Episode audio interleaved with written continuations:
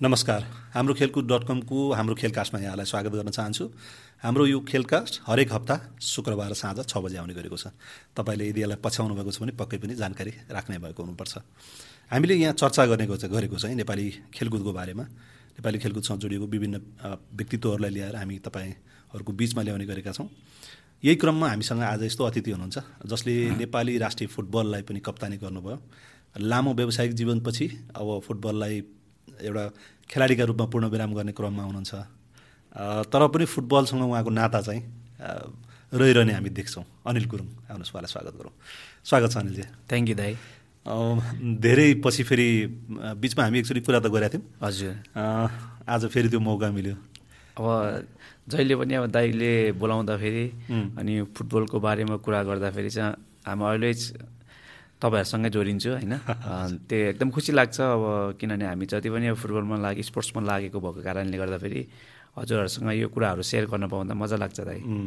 अब म तपाईँको त्यो एजी टेनको बारेमा एकछिनमा आउँछु होइन? अलिकति म पहिला तपाईँको चाहिँ सुरुवातको दिनहरू जान चाहेँ कि मैले चाहिँ हामीले अलिकति यो कम्तीमा यहाँ आइसकेपछि कुराकानी गर्दाखेरि तपाईँको करियरको बारेमा धेरैलाई थाहा हुनसक्छ हजुर। तर तपाईँको फुटबल कसरी सुरु भयो भन्ने कुरा धेरैलाई थाहा नहुन पनि सक्छ। हजुर। यदि थाहा हुनेहरूलाई पनि रिपिट हुन्छ। थाहा नहुनेहरूको लागि पनि थाहा हुन्छ। नयाँ पुस्ताको कति खेलाडीहरूले तपाईँहरूको बारेमा नाम सुन्नुभएको होला तर धेरै थाहा नहुन पनि सक्छ होइन? हजुर। त्यो पनि थाहा होस्। जस्तो तपाईँको पुर्खौली घर त स्याङ्जा। स्याङ्जा स्याङ्जाको नि दरौँ भन्ने ठाउँमा हो। हजुर। तपाईँको हामी चाहिँ अहिले चाहिँ गाडी जान्छ। तर त्यतिखेर चाहिँ हामी त्यहाँबाट चाहिँ चार घन्टा चाहिँ हिँडेर माथि जानुपर्ने थियो कि। गाडी चढ्नको लागि पनि? होइन न स्याङ्जामा त बजार भयो। हजुर तर हाम्रो दरौँ भनेको चाहिँ तपाईँको गाउँ डाँडामा हो नि त। अनि तलबाट हिँड्दा हिँडेर चार घन्टा। चार घन्टा जानुपर्ने त्यस्तो खालको ठाउँ थियो। अनि एउटा गुरुङ बस्ती। तपाईँको जन्म नै त्यहाँ भयो? मेरो जन्मै त्यहाँ भएको। अनि त्यो कारणले गर्दाखेरि चाहिँ सोचै थिएन अब तपाईँको म पछि पोखरामा आइसकेपछि मात्रै अब फुटबलको त खेल सुरु भयो। तर त्यो त्यो टाइममा गाउँमा चाहिँ हामी चाहिँ जहिले पनि सानो गाउँ सानो ठाउँ हुन्थ्यो। अब भलिबल म्याक्सिमम् भलिबल खेल्थ्यो त्यहाँ चाहिँ गाउँमा। अनि फुटबल त अब बारीमा खेल्थ्यो त्यही हो। कति वर्षको उमेरसम्म तपाईँ स्याङ्जामा रहनुभयो म गाउँमा चाहिँ तपाईँको मेरो बाबा आमा चाहिँ इन्डियामा हुनुहुन्थ्यो। अनि बजे आमासँग बसेर चाहिँ म पढेको। अनि त्यो कारणले गर्दाखेरि म एघार वर्षको उमेरसम्म चाहिँ उहाँ थिएँ। ए भनेपछि धेरै सम्झना छ तपाईँलाई अनि गाउँको चाहिँ एकदमै धेरै सम्झना छ किनभने साथीभाइहरू अब अहिले आएर सम्झिँदाखेरि चाहिँ त्यो ठाउँ चाहिँ एकदम प्यारो लाग्छ क्या।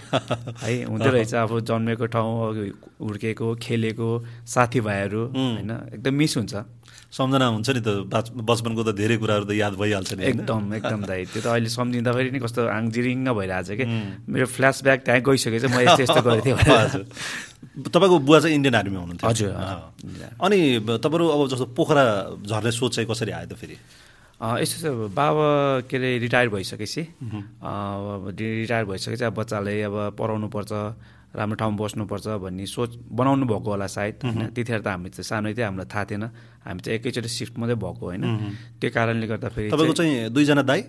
दुईजना दाई एउटा दिदी। एकजना दिदी। तपाईँ चाहिँ कान्छो हुनुहुन्छ। हजुर। अनि त्यो कारणले गर्दाखेरि चाहिँ अब हामी चाहिँ त्यसरी नै अब पोखरामा आयौँ अनि आएर चाहिँ हामी मेरो घर चाहिँ पोखरामा चाहिँ मालेपाटनमा हो। हजुर। त्यसरी चाहिँ सिफ्ट भएको थियो। मालेपाटन त तपाईँहरू पछि जानुभयो अझ।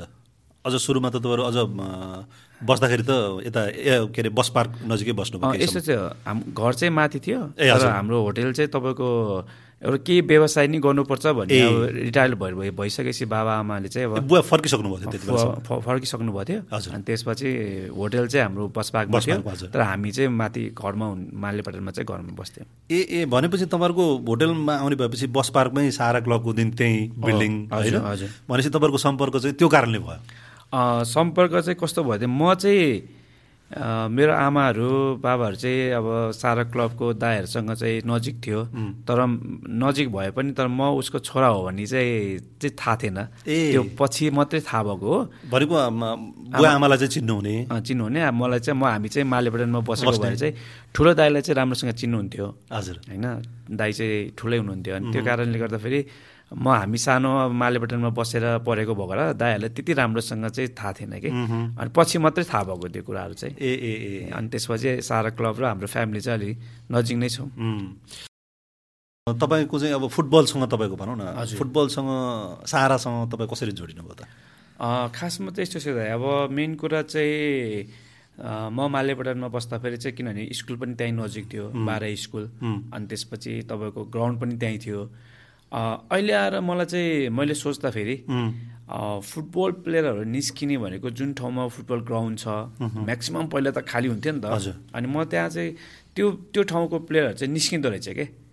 अनि अहिले चाहिँ अब म्याक्सिमम् ग्राउन्डहरू फिल्डहरू भयो भने चाहिँ बच्चाहरू खेल्न जाने होइन?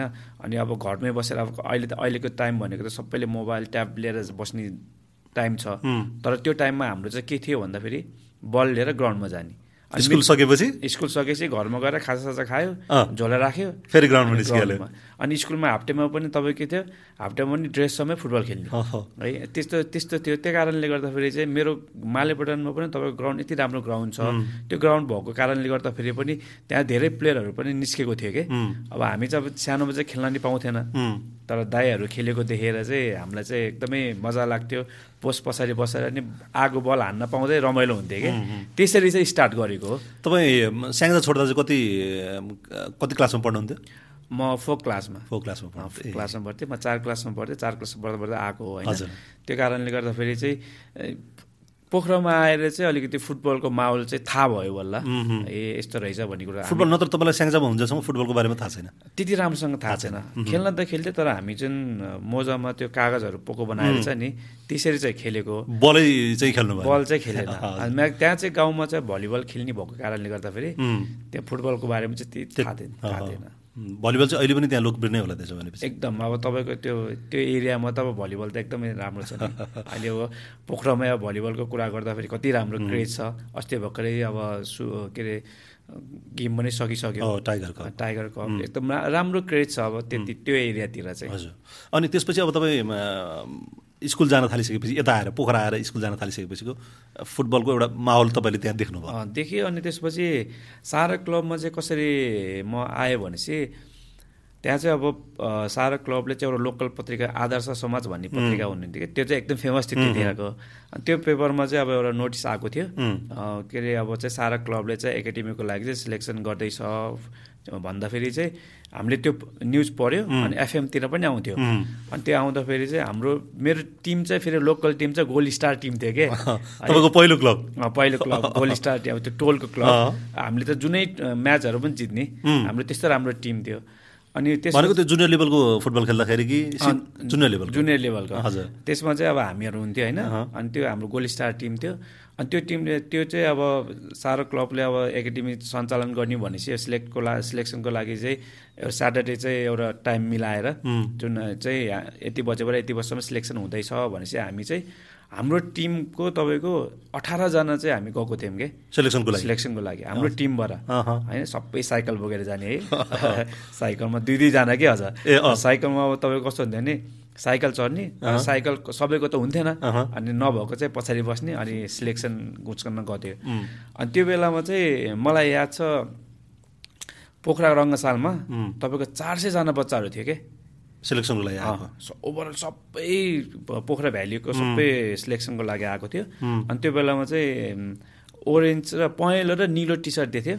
अनि मैले चाहिँ मैले पहेँलो जर्सी पाएको थिएँ त्यतिखेर एउटा टी सर्ट बनाएको थियो। त्यो फोटो अहिले पनि मसँग छ होइन? त्यो बेलामा चाहिँ रङ्गसाल भोरी थियो। त्यो त्यत्रोजनामा चाहिँ तपाईँको तिसजना बच्चाहरू चाहिँ सिलेक्ट गर्ने रहेछ। अब हामीलाई त कतिजना सिलेक्ट गर्ने थाहा थिएन।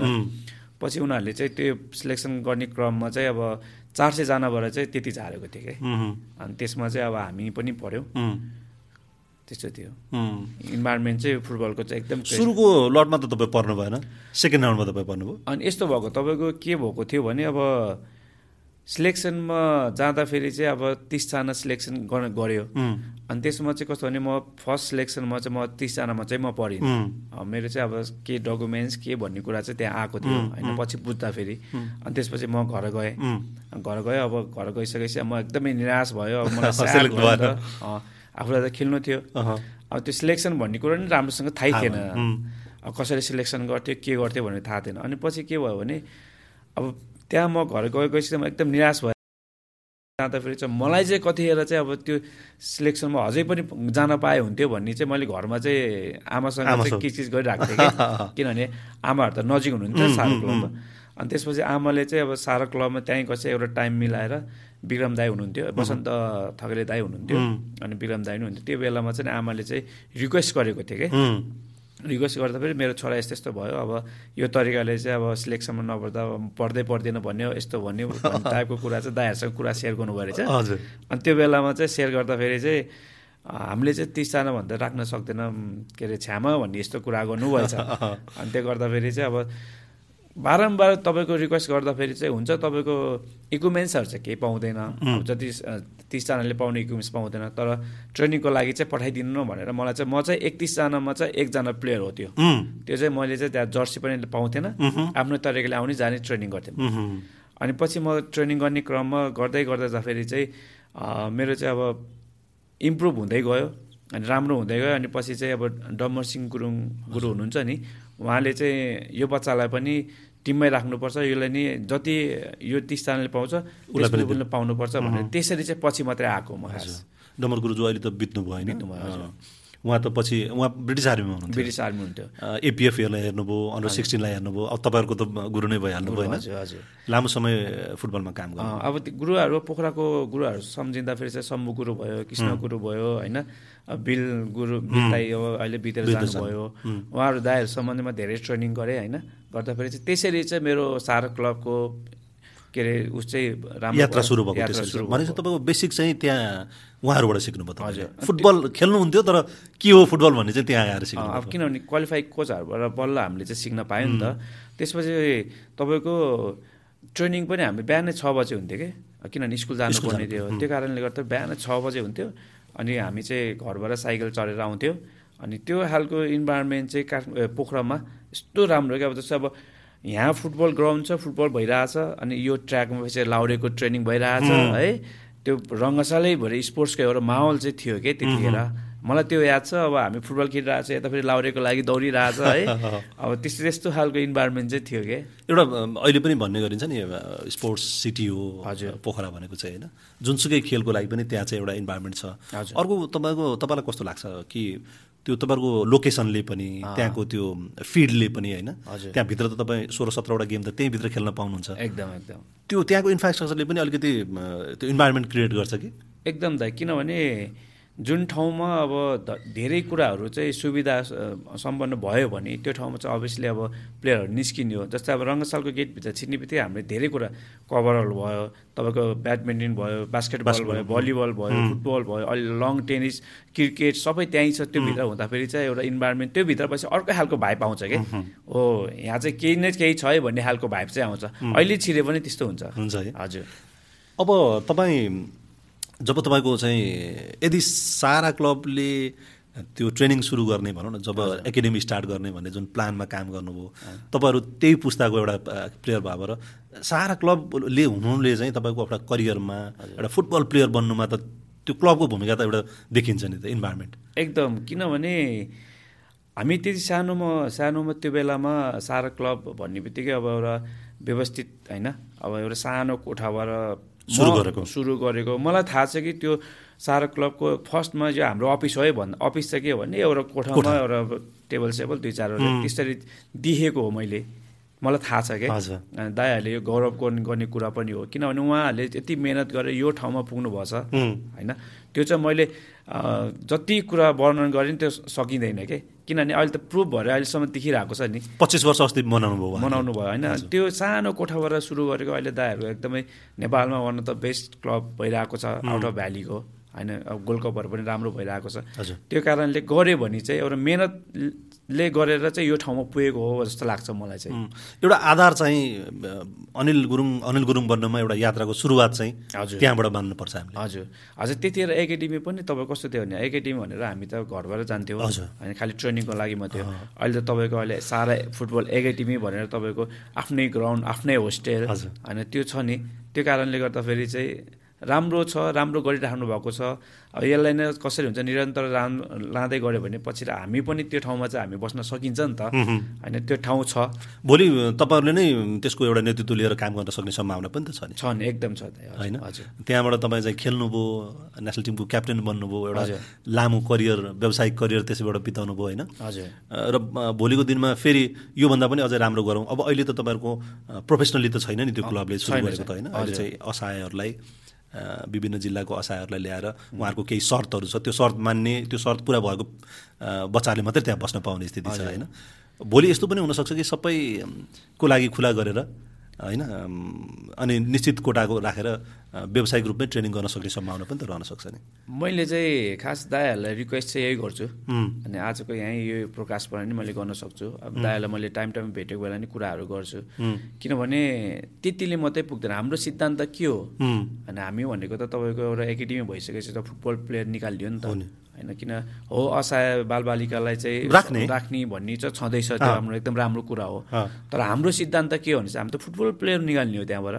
होइन राम्रो कोच हायर गरेर राख्नु पऱ्यो होइन त्यो अनुसारको ट्रेनिङ दिउँ किन आफ्नै ग्राउन्ड छ आफ्नै होस्टेल छ। त्यो भएर चाहिँ ओपन हुनुपर्छ जस्तो लाग्छ है मलाई।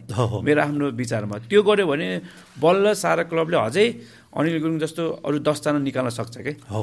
त्यो चाहिँ त्यो चाहिँ अब दाइहरूले एकदम बुझ्नुपर्छ क्लबले होइन त्यो बुझ्यो भने चाहिँ अभियसली यो कुरा चाहिँ हुन्छ। यो यो प्रसङ्गमा तपाईँले एकदम निकाल्नुभयो होइन? म पनि यसमा एउटा के जोड्न चाहेँ भने। अस्ति उहाँहरूको त्यो पच्चिस वर्षको जुन उहाँहरूले वार्षिक उत्सव मनाउनु भयो त्यसमा एउटा आर्टिकल लेख्ने भन्ने कुरा भयो। हजुर। अनि मलाई पनि उहाँहरूले चाहिँ एउटा आर्टिकल लेखिदिनु पर्नु पर्नु मैले पनि ठिक छ भने। अनि मैले उहाँहरूलाई के भने अहिले तपाईँहरूको जे भइरहेछ त्यो होइन है। मैले फरक खालको मेरो आर्टिकल हुन्छ। तपाईँले पढ्न पाउनुभयो कि पढ्न पाउनु भएन। हजुर। अनि मैले उहाँहरूलाई के त्यो आर्टिकलमा मैले उहाँहरूलाई लेखेको चाहिँ के भने अब सारा क्लबले जे गर्यो हजुर। एउटा इतिहास भयो। उहाँहरूले एउटा चाहिँ गौरवको लागि यो ठिक छ। तर अब तपाईँ व्यावसायिक फुटबलमा जाने हो यो फुटबलको फ्रेममा बस्ने हो भने चाहिँ अब योभन्दा अलिकति फरक ढङ्गले जानुपर्छ। एकदम एकदम। किनभने मैले देखेको हुन त त्यो टाइममा एकचोटि हामी चाहिँ डाइरेक्ट हामीले बी डिभिजन दिएको थियो कि सारा क्लबले। अनि त्यसपछि सारा क्लबलाई। त्यसपछि बी डिभिजन आएर हामी म पनि थियो त्यो टिममा।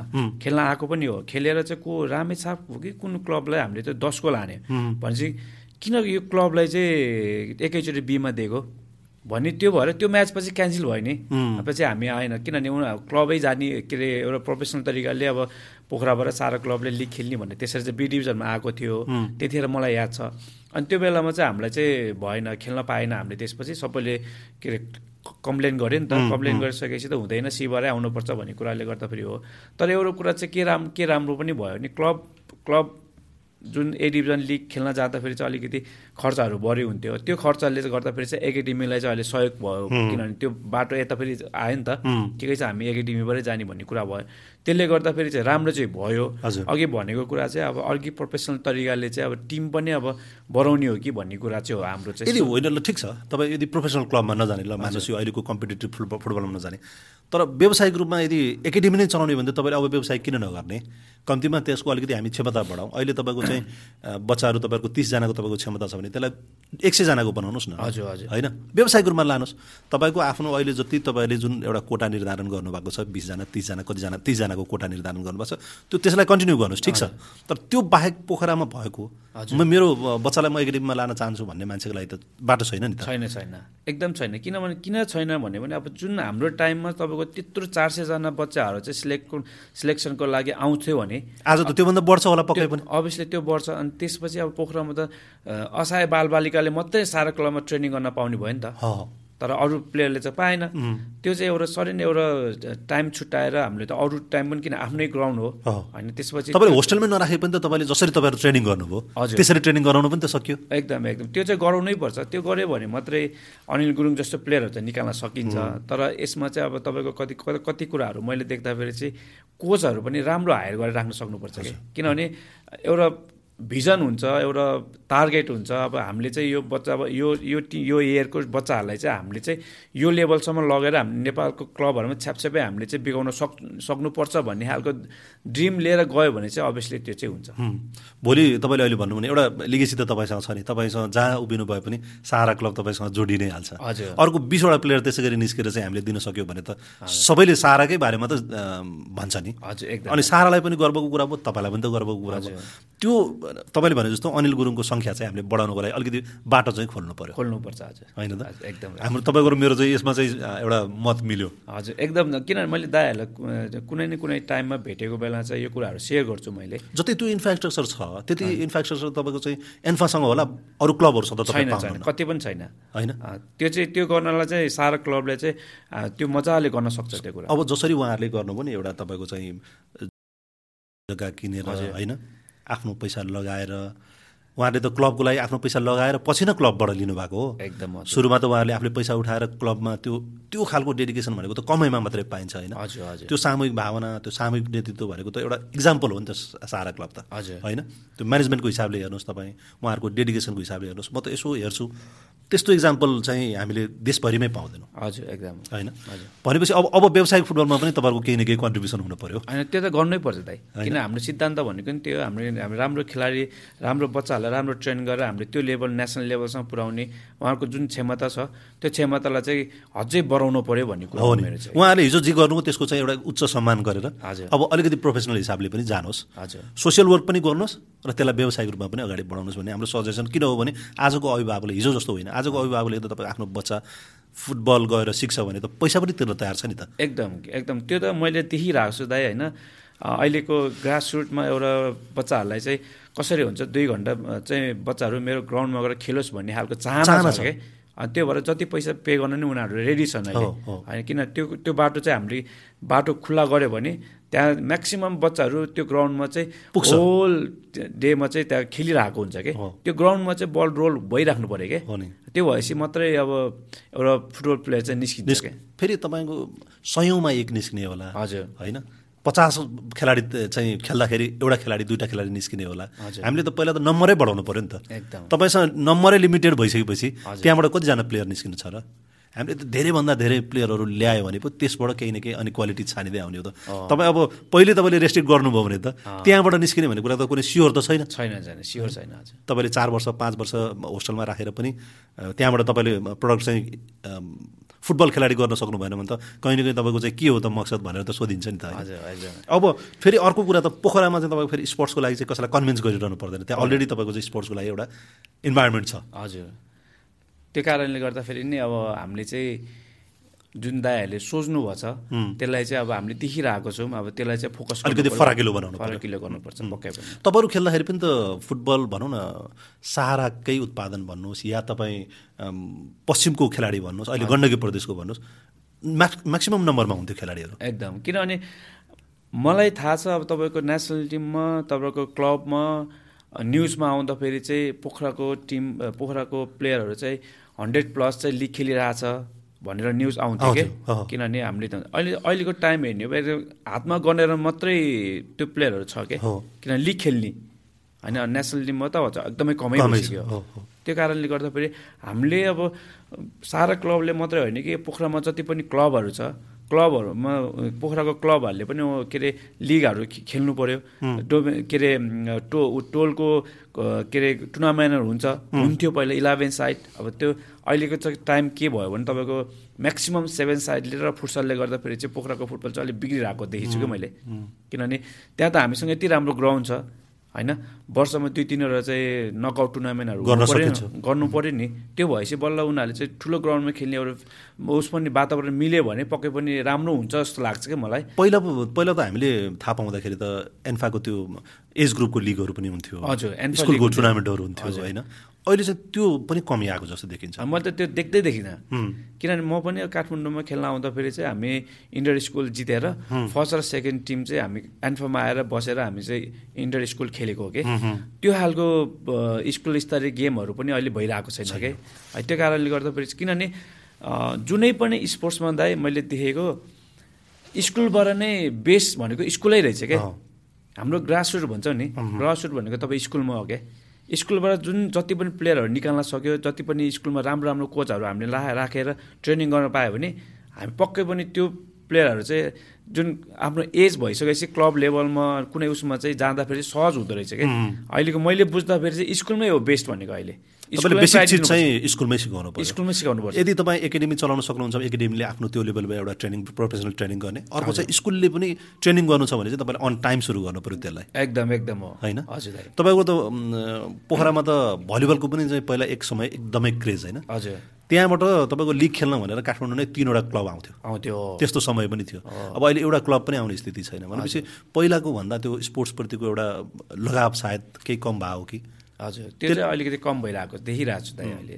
त्यसले गर्दाखेरि त नयाँ पुस्तालाई मार त पऱ्यो नि त। एकदम। अर्को अनिल गुरुङ त्यहाँबाट तयार हुन सकेन। अर्को मन्जु गुरुङ त्यहाँको भलिबल स्टार सिपोरा गुरुङ हामी हेर्न सक्छौँ होइन। अब सरस्वती चौधरी पनि पोखरा बेस भएरै चाहिँ आएको होइन। थुप्रै प्लेयरहरू पोखराबाट तयार हुनुहुन्थ्यो। अहिले त भलिबलमा पनि त्यो समस्या देखिन्छ हामीले। एकदम हजुर। होइन? हजुर। त्यो अब कति कुरा चाहिँ इभेन्टमा मात्रै हामी फोकस भएर पनि हुनसक्छ। ग्रासरुटमा चाहिँ हामीले काम नगरे तपाईँले अहिले भन्नु भने ग्रासरुटमा हामीले काम गर्ने भने चाहिँ स्कुलमा अलिकति बढी फोकस हुनुपर्छ भन्ने कुरा। हजुर। त्यो फेरि पोखराको लागि चाहिँ इन्फ्रास्ट्रक्चरको हिसाबले हेर्ने भने त अन्तको भन्दा एकदमै सहज छ। सहज छ दाइ अब हामीले चाहिँ अब स्कुलतिर नि के कुरामा चाहिँ फोकस गर्नुपर्छ भने तपाईँको कति कुराहरू चाहिँ स्कुलमा कति कस्तो कोचहरूले चाहिँ त्यहाँ सिकाइरहेको छ? यो कुराहरू चाहिँ तपाईँको सम्बन्धित निकायले चाहिँ स्कुलमा पनि भेरिफाई गर्नुपर्ने जरुरत छ जस्तो लाग्छ क्या मलाई। कस्तो खालको कोच गरेर चाहिँ ट्रेन गराइरहेको छ? अनि यो जति पनि ओभरअल नेपालभरि चाहिँ स्कुलमा कलेजमा जुन कोचहरू हायर गरिराखेको छ नि उनीहरूलाई पनि भेरिफाई गरेर चाहिँ अब कस्तो खालको कोचले चाहिँ ट्रेन गराइरहेको छ? त्यो चाहिँ जरु बुझ्न जरुरत छ जस्तो लाग्छ मलाई चाहिँ। अब त्यो भयो तपाईँहरूको एउटा समयको चाहिँ फुटबलको माहौल होइन। अब त्यसपछि तपाईँको यात्रा सुरु हुन्छ काठमाडौँ तपाईँ आउनुहुन्छ। त्यो भनेको तपाईँ त्यति बेलासम्म एसएलसी गरिसक्नु भएको थियो? थिएन हजुर। ब्रिगेड बोइजमा आउँदाखेरि हजुर स्कुलै क्लास- पढ्दै हुनुहुन्थ्यो एट क्लास पढिरहेको हजुर। त्यो बेला अलिकति सम्झाउनुहोस् त कस्तो भयो तपाईँहरूको अब त्यस्तो अब यस्तो छ अब त्यतिखेरको कुरा चाहिँ कस्तो भने म एट क्लास पढिरहेको थिएँ। अब ब्रिगेड बोइज क्लबको दाईहरू चाहिँ काठ पोखरा आउनु भइरहेको रहेछ। त्यसमा चाहिँ कति छवटा म्याच चाहिँ गइसकेको थियो। है गइसकेर मैले पछि चाहिँ त्यो छवटा म्याच सकिसक्दाखेरि चाहिँ अनि बल्ल ब्रिगेड बोइज क्लब चाहिँ छवटै म्याच हार्दाखेरि चाहिँ अलिकति यहाँ लोकल मात्रै खेलाएको रहेछ त्यतिखेर। अलिकति बाहिरको प्लेयरहरू पनि ल्याएर खेलाउनु पर्छ भन्दाखेरि चाहिँ अब अरू अरू क्लबहरूले चाहिँ अब तपाईँको प्लेयरहरू ल्याएर खेलाइसकेको साइन गरिसकेको रहेछ। अब त्यो बेलामा चाहिँ अब ब्रिगेड बोइज क्लबको दाईहरू चाहिँ अब तपाईँको छ चार पाँचजना धरानतिर चार पाँचजना पोखरातिर चार पाँचजना विराटनगरतिर चाहिँ खेलाडी खोज्दै हिँडिरहेको छ। है अनि त्यसपछि त्यो आउने क्रममा के अरे पोखरामा चाहिँ दुईजना दाईहरू हुन्छ दाईको चाहिँ नाम अलिकति मैले बिर्सेँ होइन। अनि उहाँहरू आउँदाखेरि चाहिँ अब हामी चाहिँ यसरी चाहिँ खेलाडी खोज्न आएको रिसर्च गर्न आएको भन्ने कुरा गरे गरेको रहेछ। अनि त्यसपछि हामी चाहिँ कसो भने शम्भु गुरु हुनुहुन्छ नि शम्भु केसी गुरु। उहाँले चाहिँ रङ्गशालमा चाहिँ उहाँ रङ्गशालमा आइसकेपछि रङ्गशालमा गुरुलाई भेटेर दुई चारजना भाइहरू छ। दुई चारजना भाइहरू हुँदाखेरि चाहिँ हाम्रो नाम चाहिँ रेकगनाइज गरेछ तिनजना। मेरो अनि र तपाईँको विश्व थापा अनि सुन्दर थापा भन्ने चाहिँ हामी तिनजनाको रेकगनाइज गर्छ कि हामी मालेपटनकै हो फेरि है। अनि त्यसपछि हामीलाई बोलाए स्कुल के अरे फोन गरेर बोलाए बोलाएर रङ्गशाल गयो। रङ्गशाल गएपछि उहाँसँग कुरा गर्दाखेरि चाहिँ तिमीहरू पोखरा काठमाडौँ खेल्न जाने हो भनेर सोधेँ कि मलाई। अनि सोद्धाखेरि चाहिँ के भयो भने हामी त्यतिकै एक्साइटेड कि अब स्कुल सिस्कुल केही मतलब छैन जाने। है जाने। पाउँछ भनेपछि जाने। त्यो पैसा के हो भन्दा पनि उनीहरूले चाहिँ म हामीलाई चाहिँ के भन्यो भने पर म्याचको फाइभ हन्ड्रेड पाँच सय रुपियाँ अनि र खाना बस्न फ्री होइन अनि के अरे त्यो अनि गेम खेल्न पाउने। जाने। भन्दा जाने मैले अब त्यहाँ चाहिँ अब दाईहरूलाई चाहिँ ओके चाहिँ गरेँ। अब घरको कुरा आउँछ नि त फेरि। घरमा सोधेको छैन अब। छ सोधै छैन अब घरमा गएर के हुने हो। है? अनि म त हुन्छ जान्छु भनेर म घर आइहालेँ। घर आउँदाखेरि चाहिँ तपाईँको घरमा आएँ अनि घरमा आउँदाखेरि चाहिँ हुँदैन। कहाँ काठमाडौँ जाने होला? आर्ट क्लास पढ्दा जिल्ला स्तरीय यहाँ के अरे स्कुलको उस इक्जाम आउनु लागिरहेको छ। कसरी जाने? भने है। अनि त्यसपछि मैले के भने भने होइन म चाहिँ जान्छु म जसरी पनि म खेल्न जान्छु भने मैले ढिट गरेँ रोएँ के गरेँ तर घरबाट जान दिएन मलाई। अनि जान नदिएपछि फेरि म फेरि रङ्गसाल गएँ अनि दाईहरूसँग भेट्दा फेरि मलाई चाहिँ घरमा जान दिएन। अब पढ्नको लागि चाहिँ अब यस्तो यस्तो भयो समस्या पऱ्यो भन्ने कुरा गरेँ। अनि तिमी नि पढ्दै रहेछौ। म पढाइ पढ्नको लागि पनि म काठमाडौँमा स्कुल खोज्छु। हाम्रो क्लबनिर भन्नुभयो त्यहाँ। त्यो पनि बेस्ट भयो र। पढ्ने पनि भयो खेल्ने पनि भयो। त्यसपछि मैले फेरि घर आएँ। घरमा आएर मलाई त पढ्न पनि दिने रहेछ त्यहाँ भने है। अनि मलाई त त्यो भन्दाखेरि चाहिँ घरमा अब यति करायो क्या अनि मेरो ढिटले गर्दाखेरि मैले मसरी जान्छु भनेर मलाई चाहिँ घरबाट छोड्नु भयो क्या बल्ल। गएँ तर घरबाट चाहिँ कति मानेको थिएन। त्यो तरिकाले चाहिँ म काठमाडौँ चाहिँ खेल्न आएँ। आउँदाखेरि चाहिँ पर म्याचको पाँच सय होइन खेल्न पाउने छवटा म्याच गइसकेको थियो। त्यो कारणले गर्दाखेरि चाहिँ लास्टमा चाहिँ हामीले लिग सिग खेल्दाखेरि खेलेर कति छ हजार। छ हजार आएको थियो बोनस सोनस गरेर नौ हजार रुपियाँ चाहिँ आएको थियो दाइ। पहिलोचोटि तपाईँ लिग खेल्दाखेरि? पहिलो लिग खेल्दा त्यति बेला त्यो नौ हजार पनि त ठुलै थियो नि। आजभन्दा कति बिस वर्ष अगाडि? साठी साल? एकसट्ठी होला। होइन? हजुर। साठी एकसट्ठी साल भनेपछि तपाईँको बिस वर्ष अगाडि भन्नुहोस् न। बिस वर्ष अगाडि त्यो नौ हजार भने त ठुलो पैसा हो नि। एकदम ठुलो। अब पैसा भन्दा पनि त्यतिखेर आफूलाई चाहिँ प्रुभ गर्ने अनि र तपाईँको लागि त ठुलो एक्सपोजर रङ्गशालै पहिलोचोटि त्यति बेला खेल्नु होला सायद। त्यही भयो त्यही भएको त। अब तपाईँलाई सानो यो कुरा सेयर गर्छु तपाईँलाई होइन? रङ्गशालको कुरा गर्दाखेरि चाहिँ रङ्गशालमा चाहिँ पहिला एन्फाको अफिसहरू चाहिँ तलै बस्थ्यो। त्यो फोटोसोटो टास्ने के के गर्ने त्यहाँ हुँदै त्यो तलपट्टि होइन। अनि रङ्गशालमा लिएर आयो मलाई गाडीमा। अनि त्यहाँभित्र चाहिँ चाउला खेलेर पुलिसको गेम भइरहेको थियो कि। मलाई चाहिँ थाहा थिएन फेरि। पछि मात्रै थाहा भएको। अनि त्यसपछि यसरी म भित्र ग्राउन्डमा छिरेको यसरी हेरेको दाइ माथि होइन। त्यतिखेर लिगमा फेरि त्यस्तो मान्छे हुँदो रहेछ क्या त्यस्तो क्राउड होइन। अनि म त्यो के अरे ट्र्याकबाट जाँदा जाँदै फेरि हाम्रो तिलक दाई अनि र हाम्रो किरण दाईहरू होइन दाईहरू चाहिँ चाउला खेलबाट खेल्नुहुन्थ्यो कि अनि खेल्दा ए यो भाइ कहाँबाट यहाँ? हाम्रो क्लबमा ल्याउने भनेको त यो कताबाट आयो भनेर पो मलाई सोधिरहेको भनेको किरण श्रेष्ठ? किरण श्रेष्ठ अनि पछि म त होइन दाईहरूले चाहिँ बिग्रेड बॉइज क्लबको लागि चाहिँ आएको भनेर भन्नुभयो। अनि र फेरि लिएर मलाई एग्रिमेन्ट गरेको। मलाई खासमा भन्दाखेरि चाहिँ रङ्गसालभित्र छिर्दा मलाई त्यस्तो खालको फिल भएको क्या। त्यति ठुलो ग्राउन्डमा कसरी छिर्दा फेरि मलाई वा जस्तो भएको के? त्यस्तो खालको चाहिँ इन्भाइरोमेन्ट भएको त्यति तपाईँले त्यो त्यो लेभलको दर्शक त त्यहाँ आएर देख्नु होला। त्यहाँ देख्यो अब लिगमै अब अहिले आउँदाखेरि लिगमै त्यस्तो खालको क्राउड चाहिँ हुँदो रहेछ भन्ने बल्ल अहिले चाहिँ मलाई महसुस भइरहेको छ क्या अब पहिलोचोटि तपाईँले रङ्गशालामा खेल्दाखेरिको तपाईँको एक्सपिरियन्स भनौँ न तपाईँलाई सम्झना छ? रङ्गशालमा त अब तपाईँको आउनु त आइहाल्यो अब ट्रेनिङ गर्न पऱ्यो अब कसरी खेल्ने त्यो त्यस्तो खालको धेरै आइडियाहरू पनि थिएन। किन बिग्रेड बोइज क्लबमा तपाईँको फरेनर कोच हुनुहुन्थ्यो फेरि है। त्यतिखेर किन ब्रिटिस क्याम्पमा चाहिँ आएको र ब्रिटिस क्याम्पमा आउँदा आउँदा तपाईँको त्यहाँ बि बिग्रेड बोइज क्लबलाई नै हेर्दो रहेछ। अनि त्यसमा चाहिँ मेरो के थियो भने स्पिडहरू राम्रो होइन। त्यो हिसाबले गर्दा पनि म राइट राइट विङ्गर खेल्थेँ त्यतिखेर। अनि त्यतिखेर खेल्दाखेरि चाहिँ तपाईँको त्यतिखेर हजुर कोच पनि थिएन साँच्चै। कोच चाहिँ इङ्ल्यान्ड के कामले चाहिँ जानुभएको थियो? अनि एकैचोटि धरानको तिनजना पोखराको तिनजना मिक्स गरेर खेलाएको। तपाईँहरू त्यो पोखराको तिनैजना आउनुभयो सँगै? तिनजना आयो। तिनजना आएर छजना धरानको तिनजना हामी तिनजना अनि यहाँको मिक्स गरेर खेलाउँदाखेरि चाहिँ ठ्याक्कै त्यही दिनमा चाहिँ कोच चाहिँ आउनुभएको। डाइरेक्ट एयरपोर्टबाट चाहिँ ग्राउन्डमा आएर प्याराफिटमा बसेर हेरेको। हेर्दाखेरि चाहिँ हामी छजना त नयाँ। पुलिस क्लबसम्म छ गोल खायो है फर्स्ट म्याच तपाईँको फर्स्ट म्याच छ गोल खायो छ गोल खाँदाखेरि चाहिँ के अरे क्लबको मेम्बरहरूलाई चाहिँ तपाईँको के अरे हाम्रो कोचले पछि क्लबमा आएर यति गाली गर्यो यो छजना कसले ल्याएर खेलायो यहाँ है भनेर त्यस्तो खालको इन्भाइरोमेन्ट चाहिँ त्यस्तो भएको थियो त्यतिखेर कराएको थियो। अनि त्यसपछि अब पछि खेल्दै खेल्दै जाँदाखेरि चाहिँ उहाँले मेरो क्वालिटी देखेर मलाई चाहिँ स्ट्राइकर खेलाउनु भयो। अनि स्ट्राइकर खेला चाहिँ म स्ट्राइकर नै भएको। अनि त्यो कुरा चाहिँ तपाईँको पछि म फेरि अब लिग चाहिँ बिबिसीबाट खेलेँ। अन्त त्यसपछि आउट अफ भ्यालीको गोल्ड कपहरू चाहिँ म सारा क्लबबाट खेलेँ कि। खेल्दाखेरि चाहिँ डमर सिंह गुरुङ हुनुहुन्थ्यो कोच। उहाँले चाहिँ मलाई स्ट्राइकरमै खेलाउनुपर्छ तिमी खेल्नुपर्छ भनेर त्यसरी चाहिँ भएको खास। अनि त्यति बेला जब तपाईँ काठमाडौँ आउनु अगाडिसम्म त्यो सारामा तपाईँ एकाडेमीमा जान छोडिसक्नु भएको थियो त्यति बेलासम्म? मैले छोडिसकेको थिएँ। ए। कति वर्ष तपाईँ ट्रेनिङ गर्नुभयो सारामा चाहिँ? दुई वर्ष। दुई वर्ष। सुरुको दुई वर्ष हजुर। अनि त्यसपछि चाहिँ तपाईँको रेगुलर ट्रेनिङ हुन्थेन?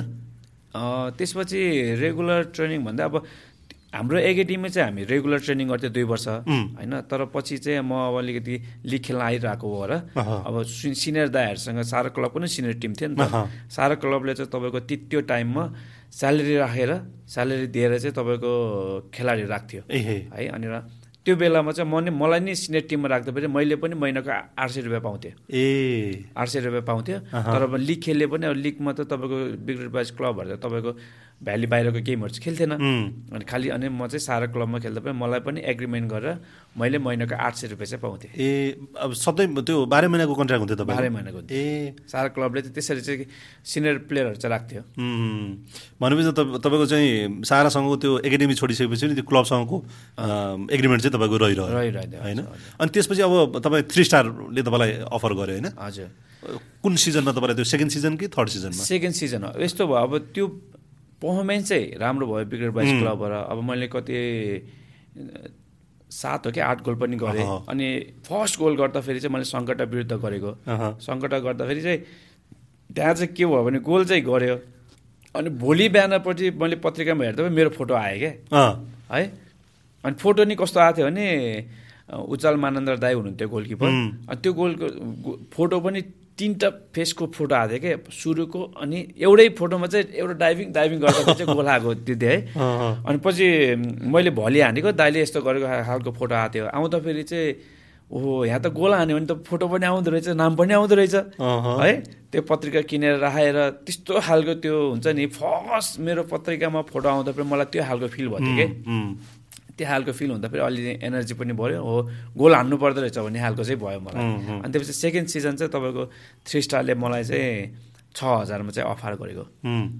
त्यो उहाँहरूको सायद प्रेसिडेन्ट कप खेल्ने बेलामा। हजुर त्यो बेलामा चाहिँ छ हजारको चाहिँ अफर गऱ्यो त्यसपछि हुन्छ भनेर अनि मैले सारा क्लबले चाहिँ एउटा सारा एकाडेमीको भएको भएर के अरे थ्री स्टारको एउटा प्रेस मिट गरेर सारा क्लबले चाहिँ यसरी चाहिँ फुटबल प्लेयर अनिल गुरुङलाई हस्तान्तरण गर्यो भनेर एउटा अशोक पार्टी प्यालेस हलमा चाहिँ हाम्रो एउटा प्रोग्राम राम्रो भएको थियो। एकदम राम्रो भएको थियो त्यतिखेर।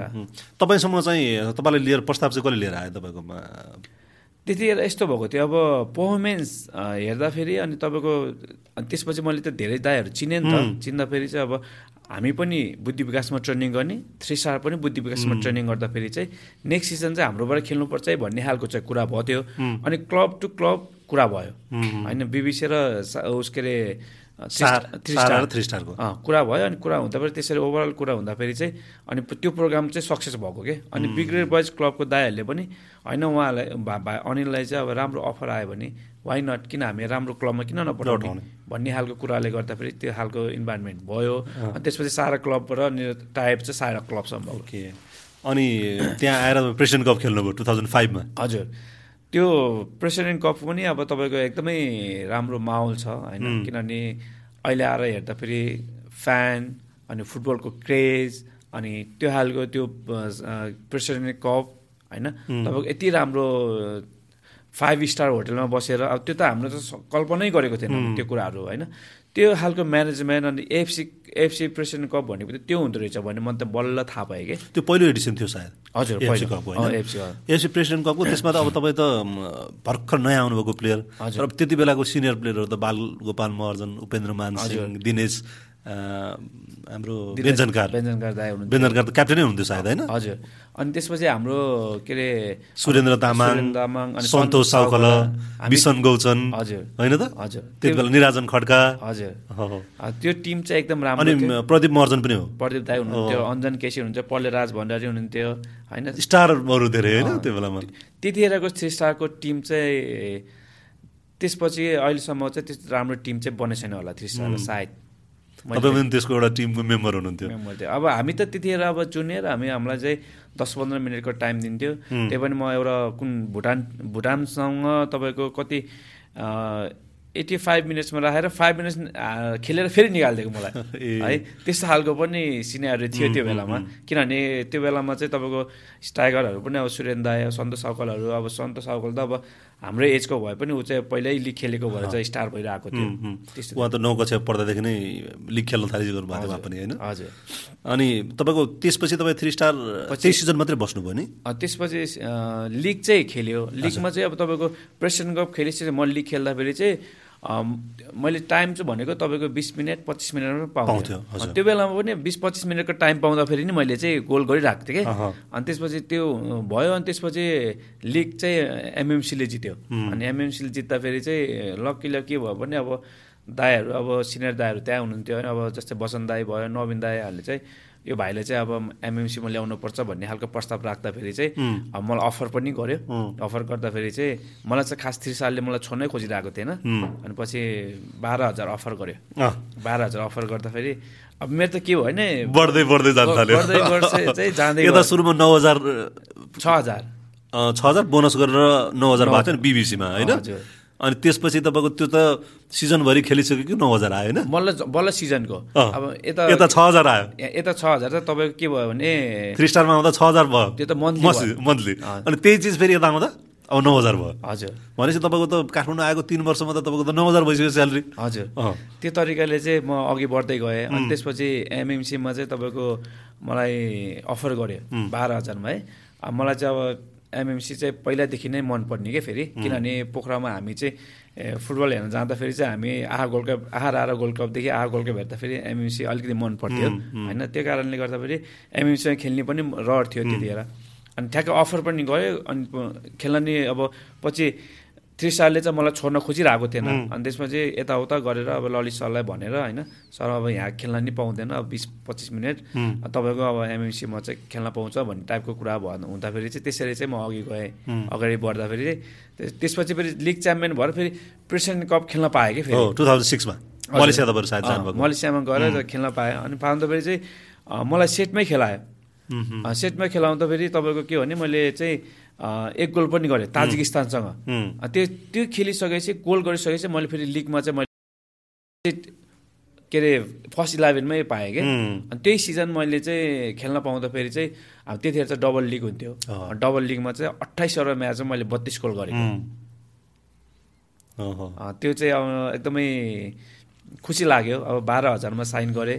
त्यसपछि मैले त्यो त्यो इयरमा चाहिँ मैले के अरे अट्ठाइसवटा म्याचमा चाहिँ तपाईँको बत्तिस गोल गरेर एउटा एमआ जी फाइभको एमआ जी फाइभको बाइक पनि पाएँ है। अब त्यसरी नै मेरो करियर चाहिँ स्टार्ट भयो के अरे राम्रो भयो स्टेप बाई स्टेप जस्तो लाग्छ क्या मलाई त्यसपछि अनि तपाईँ नेसनल टिममा कलमा पर्नुभयो सायद। नेसनल टिम चाहिँ तपाईँको म थ्री स्टारमा खेल्दा खेल्दा अन्डर नाइन्टिनमा चाहिँ म नेसनल टिममै पढेँ थिएँ म। ए अन्डर नाइन्टिनको टिममा भन्नु हजुर अन्डर त्यो भनेको टु थाउजन्ड तपाईँहरू मलेसिया जानुभयो बङ्गलादेश? किर्गिस्तान। किर्गिस्तान। ए नाइन्टिन खेल्दाखेरि। हजुर नाइन्टिन खेल्दा होम अवे म्याच भएको थियो। त्यतिखेर चाहिँ तपाईँको एउटा म्याच नेपालमा एउटा म्याच खेल्नु तपाईँहरूभन्दा सिनियरमा चाहिँ मलेसिया पुगेको त्यो चाहिँ टु थाउजन्ड फोरमा हामी नेक्स्ट राउन्ड सेकेन्ड राउन्ड पुगेको थियौँ अन्डर ट्वेन्टीको हो त्यो बेलामा त्योभन्दा अर्को ब्याचको रहेछ तपाईँ ए अनि नेसनल टिममै चाहिँ तपाईँ टु थाउजन्ड सेभेनमा हजुर। अनि म त्यसपछि म फेरि एकैचोटि नेसनल टिममा भने अन्डर नाइन्टिन खेलेँ। अनि अन्डर नाइन्टिन पछि म के अरे के अरे एमएमसीमा चाहिँ अब म हाई स्कोर भयो भयो। त्यसपछि सिलेक्सनमा आउँदाखेरि चाहिँ म ठ्याक्कै अन्डर ट्वेन्टी थ्री पनि खेलेँ। अन्डर ट्वेन्टी खेल्दाखेरि हामी श्रीलङ्कामा चाहिँ हामी थर्ड भएको थियौँ साउथ एसियन गेम साउथ एसियनमा अनि त्यति त्यो भनेको टु थाउजन्ड सिक्समा हो त्यो। टु थाउजन्ड सिक्समा अनि त्यसरी चाहिँ अन्डर नाइन्टिन अनि अन्डर ट्वेन्टी थ्री अनि त्यसपछि बल्ल म चाहिँ नेसनल टिममा नेसनल टिम भनेको चाहिँ तपाईँको टु थाउजन्ड सेभेनमा ओमानसँग तपाईँ। ओमानसँग होम र थियो त्यसै र श्याम सर पनि हुनुहुन्थ्यो। श्याम सर नै कोच हुनुहुन्थ्यो हजुर। तपाईँ ओमानमै डेब्यु गर्नुभयो? हजुर ओमानमा। वर्ल्ड कप क्वालिफायर थियो हजुर। त्यतिखेर फेरि कस्तो भने लक्कीली के भयो भने अन्डर नाइन्टिन पनि हाम्रो स्यामसलले हेर्नुभएको थियो। अनि म फेरि तपाईँको अन्डर ट्वेन्टी थ्री पनि स्यामसलले हेर्नुभएको। त्यसपछि पनि। स्यामसलले हेर्नुभएको भएर मलाई चाहिँ त्यो सरले मेरो क्वालिटी बुझेर चाहिँ उहाँले चाहिँ मलाई चाहिँ टिममा चाहिँ लिएर हिँडिराख्नु भएको थियो कि। अनि त्यसपछि मैले चाहिँ कहिले पनि तपाईँको नेसनल टिममा डेब्यु गर्छु अहिलेसम्म मैले मैले रिटायर नगरेसम्म पछाडि फर्केर हेर्नै परेन। कहिले पनि परेन हजुर। अब स अनिल गुरुङ चाहिँ नेसनल टिममा त्यति लामो समय दस वर्ष खेल्नुभयो होइन? नौ गोल गर्नुभयो इन्टरनेसनल फिफ्टी म्याच तपाईँको लास्ट म्याच तपाईँको फिफ्टी म्याच थियो। अब धेरैको भनाइ चाहिँ के छ भने एउटा एकदमै इमान्दार हजुर। लेबरियस प्लेयर एकदमै मिहिनेत गर्ने र ग्राउन्डमा त्यो देखिने पनि। र अर्को सबभन्दा राम्रो उहाँको कुरा भनेको चाहिँ टिमको लागि खेल्ने। हजुर। मेरो चाहिँ मेरो चाहिँ पहिलादेखि नै के थियो भने अब मेन कुरा अब हामी क्लबमा खेलिसकेपछि के हुन्छ नेसनल टिममा खेलिसकेपछि के हुन्छ भने क्लबले हामीलाई पे गरिसकेपछि हामीले चाहिँ मिहिनेत गरेर खेल्यो भने अब हामीले गिभ एन्ड टेक त हुनु पऱ्यो नि त। म क्लबले हामीलाई के कुरा पे गरेछ भने हामीले नि क्लबलाई केही दिन सक्नु पऱ्यो नि त। म खास त्यसरी जान्थेँ कि। तर म कहिले पनि तपाईँको कहिले पनि म पैसाको पछाडि लाग्दै लागेन। इभन अहिलेसम्म नि म कहिले पनि पैसाको पछाडि लाग्दै लागिनँ कि। किनभने तपाईँको के हुँदो रहेछ भने पैसा भनेको कुरा कस्तो भने आफूले मिहिनेत गरेर आफूले जुन अगाडि फोकस गरेर हिँड्यो भने पैसा भनेको त मेरो पछि पछि आउँदो रहेछ क्या मैले त्यो कुरा चाहिँ बुझेँ क्या अनि किनभने राम्रो खेल्दै गयो भने मान्छेले चिन्न नै चिन्ने रहेछ र पैसा पनि आउँदो रहेछ। पैसा आउनलाई के गर्नु पऱ्यो मिहिनेत गर्दै जानुपर्दो रहेछ। है त्यो कुरा चाहिँ मैले बुझेँ। अनि त्यसपछि तपाईँको यही कुरा मैले अलिकति राखेर मैले तपाईँको अघि अघिको कुरामा के भयो भने जुन मैले मनाङ वर्षाग्नेमा बाह्र हजार लिएको थिएँ भने त्यसपछि मलाई चाहिँ तपाईँको छब्बिस हजार त मलाई एनआरटीले अफर गर्यो नि त। होइन म एनआरटीमा गएँ तर त्यो बेलामा चाहिँ लिग भएन। है लिग भएन। त्यो बेलामा लिग नहुँदा फेरि चाहिँ क्लबले चाहिँ मलाई छब्बिस हजार पे गरेर म चाहिँ एनआरटी गएँ। एनआरटी गइसकेपछि के भयो? फेरि तपाईँको अर्को बाटो खुल्यो। मिहिनेत गर्दै गएँ मिहिनेत गएँ म इङ्ल्यान्डको ट्रायलको लागि पनि गएँ। अनि एउटा आफ्नै छुट्टै एउटा छाप भयो। त्यसपछि इङ्ल्यान्डबाट आउने बित्तिकै म शिलङ लाचुङमा साइन भयो। भन्नको मतलब के हो भने स्टेप बाई एकपछि अर्को तपाईँको स्टेप सफलता। बाई स्टेप तपाईँको मिहिनेत गर्दै गयो भने पैसा भन्ने कुरा चाहिँ पछ्याउँदै आउँदो रहेछ क्या हो। त्यो कुरा चाहिँ मलाई चाहिँ अहिले अहिले आएर त्यो फिल हुँदो रहेछ क्या फिल हुन्छ क्या त्यो? त्यो कारणले गर्दाखेरि मिहिनेत गर्न चाहिँ छोड्नु नहुँदो रहेछ भन्ने कुरा चाहिँ भयो। नेसनल टिममा पढ्दाखेरि म एकैचोटि नेसनल टिममा गएको नेसनल टिममा पढ्दाखेरि म कतिचोटि म सिलेक्सनमा जाँदा म फालिएको अनि मिहिनेत गएँ ट्वेन्टी थ्रीमा पनि गएँ फेरि फालिदिने फेरि जाने। त्यस्तो आउने जाने क्रम त भइरहेको थियो कि। तर त्यो- त्यति बेला पनि निराश नभइकन आफ्नो के अरे चाहिँ ट्रेनिङलाई चाहिँ कन्टिन्यू गर्नु कन्टिन्यू गर्ने तर फेरि मलाई जतिखेर नि बोलाइराख्ने फेरि। है? अब एउटा चाहिँ मिहिनेत गर्दै कल चाहिँ थियो। कल चाहिँ भइराख्ने जाने तर लास्टमा चाहिँ फालिने। है त्यो कारणले गर्दाखेरि मैले मिहिनेत गर्न चाहिँ छोडिनँ। तर पढ्यो सक्सेस भयो अहिले यो ठाउँमा छु। अनि त्यो कारणले गर्दाखेरि खुसी लाग्छ दाइ। भनेपछि तपाईँको चाहिँ सिजनभरि खेलेर छ हजार लिएको हजुर। होइन बोनस समेत गरेर नौ हजार लिएको एक्सपिरियन्स हजुर। त्यहाँबाट छ हजार मासिक तलब नौ हजार बाह्र हजार त्यसपछि एनआरटीमा पुग्दा छब्बिस हजार। हजुर। भनेपछि तपाईँको चाहिँ त्यो पैसा पनि त्यसै गरी बढ्दै गएको छ होइन? हजुर। अनि अब तपाईँको अहिले अहिले प्रसङ्ग भन्नुभयो तपाईँ इङ्ल्यान्ड जानुभएको कुरा। हजुर। त्यो पनि तपाईँको सहारा युके? र सारा युके सारा क्लबको पहलमा चाहिँ म चाहिँ त्यहाँ त्यहाँ। जानुभएको थियो होइन? त्यति बेला हामीले समाचार पनि थुप्रै लेख्यौँ तपाईँको चाहिँ वर्किङ क्लबमा गएर तपाईँले ट्रायल दिनुभएको होइन। कुरा त चेल्सीमा पनि दिने भन्ने कुरा भएको थियो होइन? त्यो चेल्सीको कुरा चाहिँ कस्तो छ भने अब हुन त मैले धेरै ठाउँमा भनिसकेको छु। खासमा चाहिँ मलाई चेल्सी क्लबबाट नै लेटर लेटर हेडप्याडमै आएर चाहिँ सबै मेरो सबै मेन्सन गरेर नै आएको थियो। त्यो गर्दाखेरि मलाई भिसा पनि सहज भयो। र त्यहाँ जाँदाखेरि चाहिँ हाम्रो अब ऱ्याङ्किङको हिसाबले गर्दाखेरि चाहिँ मैले चाहिँ त्यहाँ चाहिँ ट्रायल दिन पाइनँ। तर त्यहीँ चाहिँ अब तपाईँको वोकिङ एफसी म चाहिँ मैले जुन तिन महिना ट्रेनिङ गरेँ नि। त्यो ट्रेनिङले अनि त्यहाँको फुटबल प्लेको लाइफ स्टाइल फुटबल प्ले खाने बस्नेदेखि गाडीदेखि त्यो कुराहरू चाहिँ मलाई चाहिँ फिल भयो कि। सिक्न तपाईँले देख्न पाउनु अनुभव गर्न पाउनु अनुभव गर्न पाएँ। अनि त्यसपछि मलाई किनभने त्यो इन्भाइरोमेन्ट देखिसकेपछि मैले चाहिँ गाडी कसरी कसरी चढ्नुपर्छ भन्ने बल्ल म त्यहाँ देखेको क्या फुटबल प्लेयरको लाइफ स्टाइल देखेर क्या सुटमा आउने ट्रेनिङ गर्दा सुटमा आउने होइन?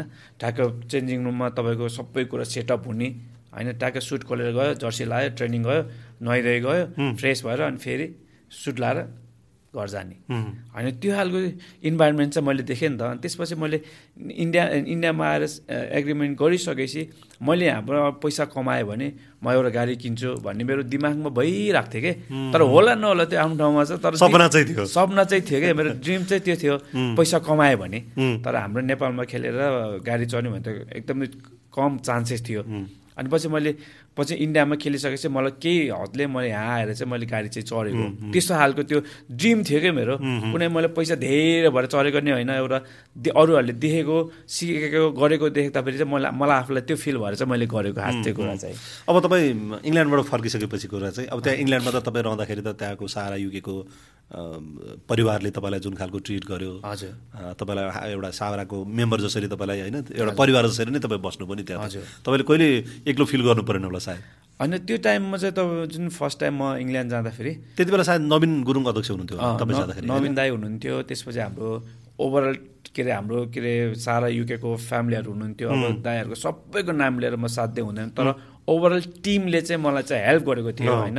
अनि र उहाँहरूले चाहिँ हो नेपालबाट यसरी चाहिँ फुटबल प्लेयर आएछ खेल्न भन्दा पनि सबै त्यहाँको जति पनि नेपालबाट त्यहाँ जानुहुने दाजुभाइ तथा दिदीबहिनीहरूले मलाई यति सपोर्ट गर्नुभयो कि। त्यो सपोर्टले गर्दाखेरि नै मलाई चाहिँ यो ठाउँमा पुग्न सहयोग र जुन ट्रेनिङले चाहिँ मलाई हेल्प गरे जस्तो लाग्छ मलाई चाहिँ। अनि अनि मैले चाहिँ के के बुझेँ भने दाइ होइन कुनै पनि एउटा प्लेयर राम्रोसँग राम्रो ठाउँमा गएर ट्रेन ट्रेनिङ गर्न पायो भने त्यो नेपालको बच्चाहरू प्लेयरहरू चाहिँ बन्छ जस्तो लाग्यो कि मलाई। त्यो त्यो खालको क्षमता चाहिँ हामीसँग छ। छ छ। खालि हामीलाई इन्भाइरोमेन्टको मात्रै कुरा गर्नु हजुर। त्यो ठाउँमा पुर्याउने एउटा क्षमता उसो हुनु पऱ्यो कि। त्यो कारणले गर्दाखेरि मैले त्यो बुझेको अहिले आउँदाखेरि। अनि किन मैले कस्तो मेहनत गर्थेँ नि त? कस्तो मेहनत गर्थेँ? कति ट्रेनिङ हार्ड ट्रेनिङ गर्थेँ? मैले त तपाईँको बिचमा एकचोटि म सक्दिनँ म जान्छु भनेर भनेको थिएँ कि। तर दाईहरूले के भन्नु भने हामी लाउरे देखाउँदा फेरि कति मेहनत गर्थ्यो कति रगत छादेर चाहिँ रनिङ गरेर उस गर्थ्यो। तिमी गर ट्राई गर अघि बढ्दै गर हामी सपोर्ट गर्दै गर्दै गर्छु भन्नुभयो। अनि त्यसपछि पछि के भयो भने अनि म चाहिँ डे बाई डे ट्रेनिङ जाँदाखेरि चाहिँ आज पनि यस्तै ट्रेनिङ रहेछ भन्यो। अनि रेस्ट गरेँ आयो खाएँ भोलि पनि त्यस्तै रहेछ। तर त्यही कुरा चाहिँ के अरे रेगुलर हुँदै गयो। त्यसपछि केही इजी हुँदो रहेछ कि? सुरुको फेसमा चाहिँ गाह्रो भएको थियो। पछि अब डे बाई डे जाँदाखेरि यही ट्रेनिङ लाइफ स्टाइल त्यही भयो। त्यही हो भन्ने कुराले गर्दाखेरि चाहिँ म चाहिँ टिकेको त्यही त्यसपछि फर्किनु भयो अनि तपाईँसँग सिलुङ लाजोको प्रस्ताव आयो तपाईँलाई। तपाईँ एनआरटीमै हुनुहुन्थ्यो त्यति बेला होइन हजुर हजुर एनआरटीमै थिएँ। त्यतिखेर पनि अब सिलङ गएको पनि एउटा छुट्टै कहानी छ त त्यत्तिकै मलाई कोही मार्फत चाहिँ आएको हो नि त कुरा चाहिँ। म के अरे तपाईँको म गगनस कोल्ड कप एनआरटीबाट खेल्दाखेरि जस्तै अब गभर्नर्स गोल्ड कप चाहिँ मैले टु थाउजन्ड फाइभमा चाहिँ थ्री स्टारबाट पनि खेलेको। त्यो बेलामा अनि त्यसपछि गभर्नर्स गोल्ड कप हामी एनआरटीबाट खेल्दा गभर्नर्स गोल्ड कप जितेको पनि थियो। अनि एनआरटी ए थ्री स्टारबाट खेल्दाखेरि चाहिँ एकजना सौरभ राई दाई भन्नेले चाहिँ मेरो गेम देखेको रहेछ। हजुर। है नेपालमा पनि यस्तो प्लेयर छ भनेर चाहिँ सिलङमा मलाई कुरा नगरिकन उसले त्यसरी चाहिँ सिलङ लाजुकमा चाहिँ कुरा भएको रहेछ। त्यसो भने ठिकै छ नि त उहाँ त्यसो छ भने ट्रायलको लागि चाहिँ बोलाउँ भनेर भन्दाखेरि चाहिँ म इङ्ल्यान्ड जानुभन्दा प्र अगाडि आएको प्रस्ताव हो दाइ थियो तर म चाहिँ म पहिला इङ्ल्यान्ड जान्छु अनि उता गएर आइसकेपछि फेरि म कुरा गर्छु भन्दाखेरि चाहिँ उहाँहरूले वेट गरेर म बस्नुभएको रहेछ। त्यसपछि म गएको दाइ खास चाहिँ। यहाँ तपाईँको त तपाईँ जानुभन्दा अगाडि प्रेस कन्फरेन्स चाहिँ गरेर जानुभएको थियो नि तपाईँले होइन? एनआरटीमै मलाई त्यो सम्झना छ अहिले पनि। एनआरटीमा त्यहाँ रेस्टुरेन्टमा। रेस्टुरेन्टमा हजुर। एउटा प्रेस कन्फरेन्स नै भएको थियो। सायद सुदर्शन दाईहरू पनि पोखराबाट आउनु भएको थियो विक्रम दाई आउनु भएको थियो। सबै दाईहरू आउनुहुन्थ्यो आउनुभएको थियो। तपाईँ त्यो बेलामा तिन वर्षको लागि हजुर तिन त्रिसठी चौसठी लाख कति भनेर चाहिँ साइन भएको थियो तपाईँको? त्रिसठी लाख हो तर हामीले चाहिँ एयरली गर्ने दायित्व लिएर तर कस्तो भने तपाईँको लिग भनेको तपाईँको वर्षैभरि हुँदैन नि त। छ महिनाको लिग हुन्छ। छ महिनाको त अठार महिना हो खास। तर हामीले गर्दा एयरली गर्दा तिन वर्षको भएको हो तिन वर्षमा त्रिसठी लाख भनेको त्यो बेलामा त ठुलो पैसा थियो नि त होइन? हजुर मलाई चाहिँ अब त्यतिखेर पनि अब भने मैले अघि पैसाको पछि लागिनँ भने नि त्यतिखेर मलाई त्यो बेलामा पनि म एग्रिमेन्ट गर्दाखेरि चाहिँ साइन गर्दाखेरि हाम्रो हाम्रो अनरको के अरे अनरको चाहिँ तपाईँको रिसोर्ट जस्तो घर हुन्थ्यो त्यहाँ। त्यहाँ गर्दाखेरि हामीले डिनरको लागि बोलाएको थियो। अनि त्यतिर एग्रिमेन्ट गर्दाखेरि नि त्यो पैसा लिँदाखेरि मलाई चाहिँ त्यो पैसा लिएको फिल चाहिँ भएको थिएन है दाइ। मलाई यति धेरै त्रिसठी लाख पायो भने मलाई फिल चाहिँ भएन मैले एग्रिमेन्ट गरिसकेपछि मलाई के चाहिँ फिल भयो भने ला अब यो ठाउँमा कसरी खेल्ने? कसरी आफूले प्रुभ गर्ने? दिमागमा त्यो मात्रै थियो है हो। नेपालमा आयो होला एउटा हेडलाइन भयो होला बिग एमाउन्ट्समा साइन भयो होला भन्ने आफ्नो ठाउँमा छ। तर मलाई चाहिँ के फिल भयो भने एज अ प्लेयर एउटा चाहिँ प्रेसर भयो। आज एज अ प्लेयर चाहिँ मलाई प्रेसर भयो। अब यो ठाउँमा कसरी खेल्ने? कसरी प्रुभ गर्ने? त्यत्रो पैसा लिएछ। है? आफूलाई प्रुभ त गर्नु पर्यो। गेमै छैन भने कसरी उसो हुन्छ भन्ने खालको चाहिँ प्रेसर भयो दाइ मलाई होइन? अनि मैले गर्दाखेरि ट्रेनिङ गर्दै गर्दाखेरि चाहिँ कोचले पनि मन पराउनु भएको थियो त्यही मन पराएर अनि कोच अनि हाम्रो अनरहरू मिलेर नै हामीले चाहिँ मलाई साइन गराएको खासमा त्यसपछि तर डे बाई डे खेल्दाखेरि चाहिँ तपाईँको चाहिँ गेम पनि इम्प्रुभ भयो अनि राम्रो पनि भयो। अनि त्यो मैले चाहिँ पैसाको चाहिँ मैले कहिले पनि केही सोचिनँ दाइ। त्यही सिलसिलामा तपाईँ सिक्किम पनि आउनु भएन? हजुर हामी गभर्नर्स कोलकाताबाट आउँदाखेरि चाहिँ सिक्किममा पनि आएको थियो। म मेरो त्यही तपाईँसँग भेट भएको थियो तपाईँ स्टेडियममा आउँदाखेरि होइन? हजुर। मलाई त्यो अहिले पनि सम्झना छ कि। अब त्यो बेलाको तपाईँको चाहिँ भनौँ न हाम्रो नेपाली प्लेयर पनि सिलोङबाट खेल्दै भनेपछि एउटा अलिकति अर्कै छुट्टै फिल चाहिँ हुने रहेछ एउटा प्राउड हुने रहेछ। हामी यहाँदेखि म चाहिँ थ्री स्टारसँग गएको थिएँ त्यति बेला। हजुर। मनाङ पनि पार्टिसिपेट भएको थियो अनि तपाईँहरू पनि आउनु भएको थियो होइन एउटा प्राउड चाहिँ हुने त्यही हो त्यही त्यही यही सिलसिलामा चाहिँ के भएको थियो भने तपाईँको अब आफ्नो एउटा प्लेयर अब जस्ट जुनै ठाउँमा खेल्यो भने इन्डियामा खेल्यो पनि जुनै ठाउँमा खेल्यो भने अब खेल्दै छ भने चाहिँ अब सागर दाईले भन्नुहुन्थ्यो क्या अनिल तिम्रो गेम आउ आउँछ भने चाहिँ अब नेसनल टिमको क्याम्प भइरहेको थियो। त्यो चाहिँ म चाहिँ पछि म चाहिँ पछि जोइन गर्थ्यो। तिम्रो गेम आउँदै भने चाहिँ हामी सब बसेर टिभीमा हेऱ्यो क्या रुममा। अनि त्यो दाईहरूले त्यस्तो खालको उस गरेको क्या अब त्यो भन्दाखेरि चाहिँ अब मेरो त सागर दाई त्यतिखेर क्याप्टेन होइन। त्यो भन्दाखेरि मलाई क्या खुसी लाग्यो क्या मलाई पनि फलो गर्ने रहेछन् त्यस्तो खालको फिल हो। किन हाम्रो पनि कुनै प्लेयर चाहिँ बाहिर गएर खेलेछ है भन्ने खालको चाहिँ त्यस्तो भयो त्यसले त एउटा अर्कै खालको नोटिस दिन्छ नि त होइन हो। त्यसपछि के भयो भने अब त्यही कुराले गर्दाखेरि अब म गयो त्यसपछि रोहित आयो रोहित पछि किरण आयो होइन ब्याक टु ब्याक चाहिँ हाम्रो पछि विमल गयो पछि अनन्त अनि अञ्जन। हजुर। अब अस्ति अघि तपाईँले कुरा पनि गर्नुभयो नि जस्तो तपाईँ नै खेलेको क्लबमा अहिले त एरिक विस्ट एरिक विस्ट जानुभएको छ होइन? हजुर। तपाईँले अघि भन्नुभयो कि मैले उसको गेम फर्स्ट गेम उसको चाहिँ पुरा हेरेँ भनेर भन्नुभयो होइन? भनेपछि हिजो सागरले भनेको जस्तै कुरा आज तपाईँले फेरि एरिकलाई भेट्दाखेरि भन्ने कुरा र मैले मैले त्यही भन्दा भन्दा मैले पनि अस्तिको म्याच अब एरि किन मैले सिलङको के अरे सिलङ लाजुको पेज फलो गरेको भए एभ्री अपडेटहरू Update आइरहेको। हुन्छ। आउँदाखेरि चाहिँ अब यो लास्ट विक हो दाइ त्यो म्याच चाहिँ तपाईँको युट्युबमा आउँदै थियो आई लिग चाहिँ अनि र त्यसपछि मैले एरिकको गेम चाहिँ हेरेँ कि। त्यो गेम हेर्दाखेरि चाहिँ एरिकले यति राम्रो खेल्यो। होइन अब त्यो ठाउँमा गएर अब नयाँ टिम होइन गर्दाखेरि चाहिँ राम्रो खेल्यो मलाई खुसी लाग्यो। ओभरअल आफूलाई अलिकति सम्झना पनि आयो होला आफ्नो दिनको पनि। एकदम आयो दाइ ठ्याक्क सागर दाइले त्यो बेलामा कुरा गर्थ्यो भने अहिले म त्यो फेसमा थिएँ रहि- रहेछु कि? खुसी लाग्यो दाइ। अँ, नयाँ पुस्ताले त्यो तपाईँहरूको लिगेसीलाई अगाडि बढाएको देख्दाखेरि त खुसी लाग्छ नि त। सधैँ त हामी त्यो ग्राउन्डमा हुँदैनौँ। हुँदैन। होइन? नयाँ पुस्ताले रिप्रेजेन्ट गर्दा भोलि फेरि त्यो एरिकको पछि उसले आउने पुस्ताले त्यसरी रिप्रेजेन्ट गर्न पायो भने त आख- आखिरी हामीलाई त एउटा प्राउड त हो नि। होइन? अनि मलाई चाहिँ त्यतिखेर चाहिँ त्यो गेम खेल्दा खेल्दा मलाई के फिल भएको दाइ थाहा छ? किनभने मैले शिलङमा त एकदम मेरो राम्रो छाप छ नि त। अनि त्यो गर्दाखेरि चाहिँ एरिकसँग नि मेरो कुराहरू चाहिँ गरिरहेको छ होला है भन्ने खालको चाहिँ मलाई चाहिँ त्यो मनमा चाहिँ त्यो खुल्देली भइरहेको थियो। अभियसली गऱ्यो होला कि गर्छ जस्तो तपाईँहरू हुँदाखेरि सिनियरको कुरा गर्नुहुन्थ्यो होला। पछि पनि हामी बङ्गलादेशमा जाँदाखेरि पनि त्यहाँ गणेश थापाको कृष्ण थापाको हजुर। हाम्रो राजु साक्यको हजुर। हरि खड्काको चर्चा हामीले सुन्थ्यौँ क्या। भनेपछि अभियसली तपाईँको चर्चा पनि त्यहाँ अहिले एरिकसँग गएपछि ए हामीले त अनिलको गेम पनि हेरेको त पक्कै भन्छन् होला त्यस्तो कुरा चाहिँ भयो होला भन्ने मलाई हो नेचुरली अब त्यसपछि तपाईँको करियर तपाईँ अ, शिलङ छोडेर आइसकेपछि फेरि तपाईँ आएर मनाङमै तपाईँ जोइन हुनुभयो। हजुर। होइन त? मनाङ त्यति बेला आइपुग्दाखेरि अनि मनाङमा तपाईँको चाहिँ स्यालेरी कति भयो त अनि? अब अहिले त भन्न अप्ठ्यारो छैन त्यति बेला भन्न अप्ठ्यारो हुन्थ्यो। मलाई चाहिँ अब साँच्चै भन्दाखेरि मलाई चाहिँ मनाङले त्यतिखेर एक लाख पचास हजार दिएको। शिलङबाट फर्केर आइसकेपछि। किनभने मलाई हिमालयन शेर्पा अनि तपाईँको थ्री स्टार अनि त्यसपछि मनाङले चाहिँ अफर गरेको थियो त्यो बेलामा अनि त्यति बेला चाहिँ अफर गर्दाखेरि मैले चाहिँ एमएमसीमा आएर चाहिँ मैले एक लाख पचास हजारमा साइन गरेको। त्यो भने त ठुलो एमाउन्ट हो नि त्यति बेला होइन? किनभने मैले सायद धेरै पनि मार्न सक्थेँ होला डिमान्ड गर्न सक्थेँ होला। तर के कुरा हुँदो रहेछ भन्दा अब हाम्रो नेपालको लिग कुनमा छ र हामीले कति क्लबले कतिसम्म पे गर्न सक्छ भने त्यो कुरा मलाई थाहा थियो क्या दाइ। मैले एकैचोटि यहाँ आएर मलाई पाँच लाख देऊ भनेर मैले भन्न सक्दिनँ कि। हाम्रो किनभने हाम्रो क्षमतै छैन नि त। हाम्रो त्यो लेभलमा पुगेकै छैन। अनि त्यो कारणले गर्दा जुन तरिकाले मैले जुन तरिकाले मैले अफर गरेँ मैले एकदमै सोच विचार गरेर गरेको के। म के अरे इन्डियाबाट खेलेर आएको म स्टार हो मलाई यति पैसा दिनुपर्छ भने मैले त्यो कहिले पनि सोचिनँ। तर हाम्रो नेपालको परिस्थिति हाम्रो नेपालको क्लबले दिने क्षमता हेरेर चाहिँ मलाई चाहिँ यति दिनु भन्दा उनीहरूले चाहिँ ओके डन।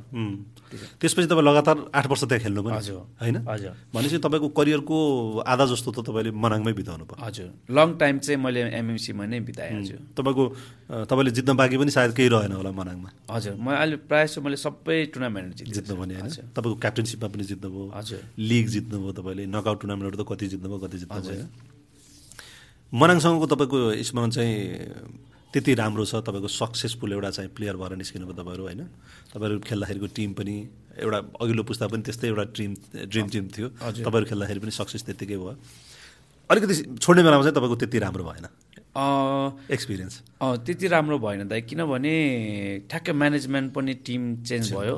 चेन्ज हुँदाखेरि तपाईँको कस्तो भयो भने एमएमसीमा जुन तरिकाले चाहिँ क्लबले गर्नुपर्ने मलाई जुन रेस्पेक्ट होइन जुन क्लबलाई मैले दिएको थिएँ त्यो कुरा चाहिँ मैले लास्टमा चाहिँ त्यो चाहिँ पाइनँ।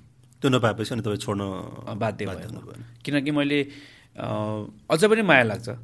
माया त किन सबै जुन क्लबबाट खेलेँ सबैमा क्लबको मसँग चाहिँ एकदम राम्रो छ। तर लास्टमा चाहिँ अब जुन मैले जति जति टाइम बिताएँ नि त्यो बिताए अनुसार चाहिँ मलाई जुन क्लबले गर्नुपर्ने एउटा रेस्पेक्ट एउटा सम्मान त्यो चाहिँ उनीहरूले गुमाए के। उनीहरूले त्यो कुरा चाहिँ गर्न सकेन। त्यो कारणले गर्दा म मैले चाहिँ एमएमसी छोड्न बाध्य भएको। त्यसपछि तपाईँ फर्केर फेरि जानुभयो थ्री स्टार नै। थ्री स्टारमा होइन? हजुर। तपाईँको एउटा भनौँ न करियरको एउटा तपाईँ इन इनतिर पनि हुनुहुन्थ्यो होइन? अब विश्राम लिनुपर्छ कि भन्ने सोच पनि बनाउँदै हुनुहुन्थ्यो। त्यसपछि तपाईँ थ्री स्टारमा फेरि पुग्नुभयो। खासमा चाहिँ मैले एउटा कुरा के थियो नि जुन मनाङले मलाई त्यो लास्टमा त्यो अलिकति क्लबले गरेको व्यवहारले गर्दाखेरि चाहिँ मलाई चाहिँ अब म चाहिँ फुटबल यिनै गर्छु भनेर म बसिरहेको थिएँ खासमा। अनि त्यो गर्दाखेरि चाहिँ के भयो भने ठ्याक्कै सञ्जीव सिल्वाकार दाईले मलाई चाहिँ फोन गरेर होइन अनिल त्यसरी गर्नु हुँदैन। हाम्रो क्लब थ्रेसा क्लब पनि छ हामी तिमी पहिला पनि खेलेको भनेर उहाँले चाहिँ मलाई चाहिँ अफर गर्नुभएको थियो होइन। त्यो गर- कारणले गर्दाखेरि चाहिँ म त्यतिर अलिकति अनफिट पनि थिएँ दाइ तर म फेरि क्लबमा गएर ट्रेनिङ गरेर गरेपछि अलिकति फिट पनि भएँ होइन। त्यसरी चाहिँ मैले सञ्जीव दाईले भनेर चाहिँ म एक सिजन अर्को सिजन खेल्नुभयो त्यहाँ तपाईँ होइन? हजुर। अनि त्यसपछि तपाईँको फेरि जानुभयो बिबिसी तपाईँ? बेबिसी। त्यो चाहिँ यस्तो थियो दाइ त्यो चाहिँ के थियो भने मैले चाहिँ मैले चाहिँ के सोचेको थिएँ भने म थर्टी फाइभ इयर्ससम्म चाहिँ म फुटबल खेल्छु भनेर म हिँडेको खासमा। त्यो मैले कम्प्लिट गरेँ। किन पहिल्यैदेखि के? म चाहिँ अब मिसन चाहिँ तपाईँको त्यो थियो। म पैँतिस वर्षसम्म चाहिँ म फुटबल खेल्छु। त्यहाँभन्दा अगाडि पनि उस गर्थेँ त्यहाँभन्दा पछि जान्न भनेर मैले सोचेको थिएँ। ठ्याक्क त्यो चाहिँ तपाईँको लास्टमा चाहिँ म बिबिसी क्लबबाट खेल्छु अनि यहाँबाट रिटायर गर्छु भनेर मैले सोचेर म चाहिँ बिबिसी क्लबमा गएको दाइ किनभने म थ्री स्टार क्लबमा नि मैले सल्लाह गरेर दाइ मेरो लास्ट म्याच चाहिँ म बिबिसीबाट खेल्न चाहन्छु भनेर म त्यसरी गएको। अनि ठ्याक्क त्यो बेलामा चाहिँ ठ्याक्क इन भयो क्या तर त्यो बेलामा चाहिँ अलिकति जुन मैले प्लानिङ गरेको थिएँ त्यो चाहिँ सक्सेस भएन। किनभने किन भएन भने बिबिसीबाट मैले लास्ट म्याच खेलेर मैले चाहिँ विदाई गर्छु भन्दाखेरि चाहिँ मेरो क्लब रेलिकेट भयो। एलिगेसन हुँदाखेरि एलिगेसन हुँदाखेरि चाहिँ मलाई चाहिँ अलिक दुःख लाग्यो र जुन मैले मेरो प्लानिङ थियो नि त्यो चाहिँ अब भएन कि। जुन मैले सोचेर मैले चाहिँ लास्ट म्याचमा चाहिँ म रिटायर गर्छु भने त्यो चाहिँ भएन दाइ। त्यो चाहिँ भनेपछि त्यो त्यो तपाईँ इन्टरनेसनल म्याचबाट त तपाईँले टु थाउजन्ड सेभेन्टिनमै रिटायरमेन्ट लिनुभयो? हजुर। अर्को चाहिँ तपाईँको चाहिँ अब डोमेस्टिक फुटबलबाट पनि रिटायरमेन्ट लिने भन्ने प्लान चाहिँ अझै बाँकी छ तपाईँको? अझै बाँकी छ दाइ। अब मैले सोच्दैछु होइन कसरी लिने कुन तरिकाले गर्दाखेरि म सबैसँग सल्लाह सुझाव लिँदैछु। त्यो लिएर मेरो प्लानिङ छ। भनेपछि त्यस त्यसको लागि फेरि हामीले एउटा प्रोग्राम कुर्नुपर्ने भयो। हजुर हजुर हजुर। ग्राउन्डमै चाहिँ अब बिदा हुने चाहिँ अवस्था रहेन सायद। कि छ अझै त्यो पनि? त्यो छैन दाइ किनभने मैले खास ग्राउन्डमै खेल्दा खेल्दै बिदाई लिनु भन्ने लिन्छु भन्ने मेरो चाहना थियो। जसरी तपाईँले नेसनल टिमबाट लिनुभयो। फिलिपिन्ससँग खेलेर तपाईँले सातो बाटोमा सायद बिदा लिनुभएको। हजुर त्यो त्यो त्यो पनि के त्यो ट्रेन्ड पनि कस्तो भयो भने दाइ अब मैले जुन ट्रेन्ड बसालेँ नि जुन ग्राउन्डमा गएर मैले रिटायर गर्दा फेरि गरेँ नि खालि हामी फेसबुकको वालमा मात्रै लिएर रिटायर होइन कि ग्राउन्डमा गर्दा लि- लिँदा फेरि राम्रो हुन्छ अब त्यसपछि मैले लिएँ लिएपछि के अरे विराजले लियो। एउटा ट्रेन्ड चाहिँ राम्रो बस्यो नि त। होइन त्यो गर्दाखेरि चाहिँ अहिले अब त्यो ट्रेन्ड चाहिँ बसिरहेको छ कि। त्यो चाहिँ मलाई चाहिँ खुसी लाग्यो। मलाई जहाँसम्म लाग्यो विक्रमले लिग सकिने बेलामा विक्रम लामाले लियो? लियो। हजुर त्यो ट्रेन्ड चाहिँ बसेर राम्रो भयो दाइ. तपाईँलाई चाहिँ नेसनल टिमबाट खेलिसकेपछिको विश्राम लिँदाखेरिको मान्छे अभियस तपाईँ त्यति लामो समय खेलेपछि भावुक त स्वाभाविक रूपमा हुन्छ हजुर। होइन? तर तपाईँले डोमेस्टिकमा चाहिँ अझ अझ तपाईँले सोचे जस्तो लिन चाहिँ पाउनु भएन। भएन अब हामीले खालि एउटा प्रोग्राममा अफिसियली अनाउन्समेन्ट चाहिँ सुन्छौँ अब। हजुर। त्यो चाहिँ त्यो पनि एउटा प्लानिङ छ अब त्यो चाहिँ सबैसँग सल्लाह सुझाव लिँदैछु। कसरी गर्दा बेटर हुन्छ भन्ने चाहिँ मैले प्लान गर्दैछु।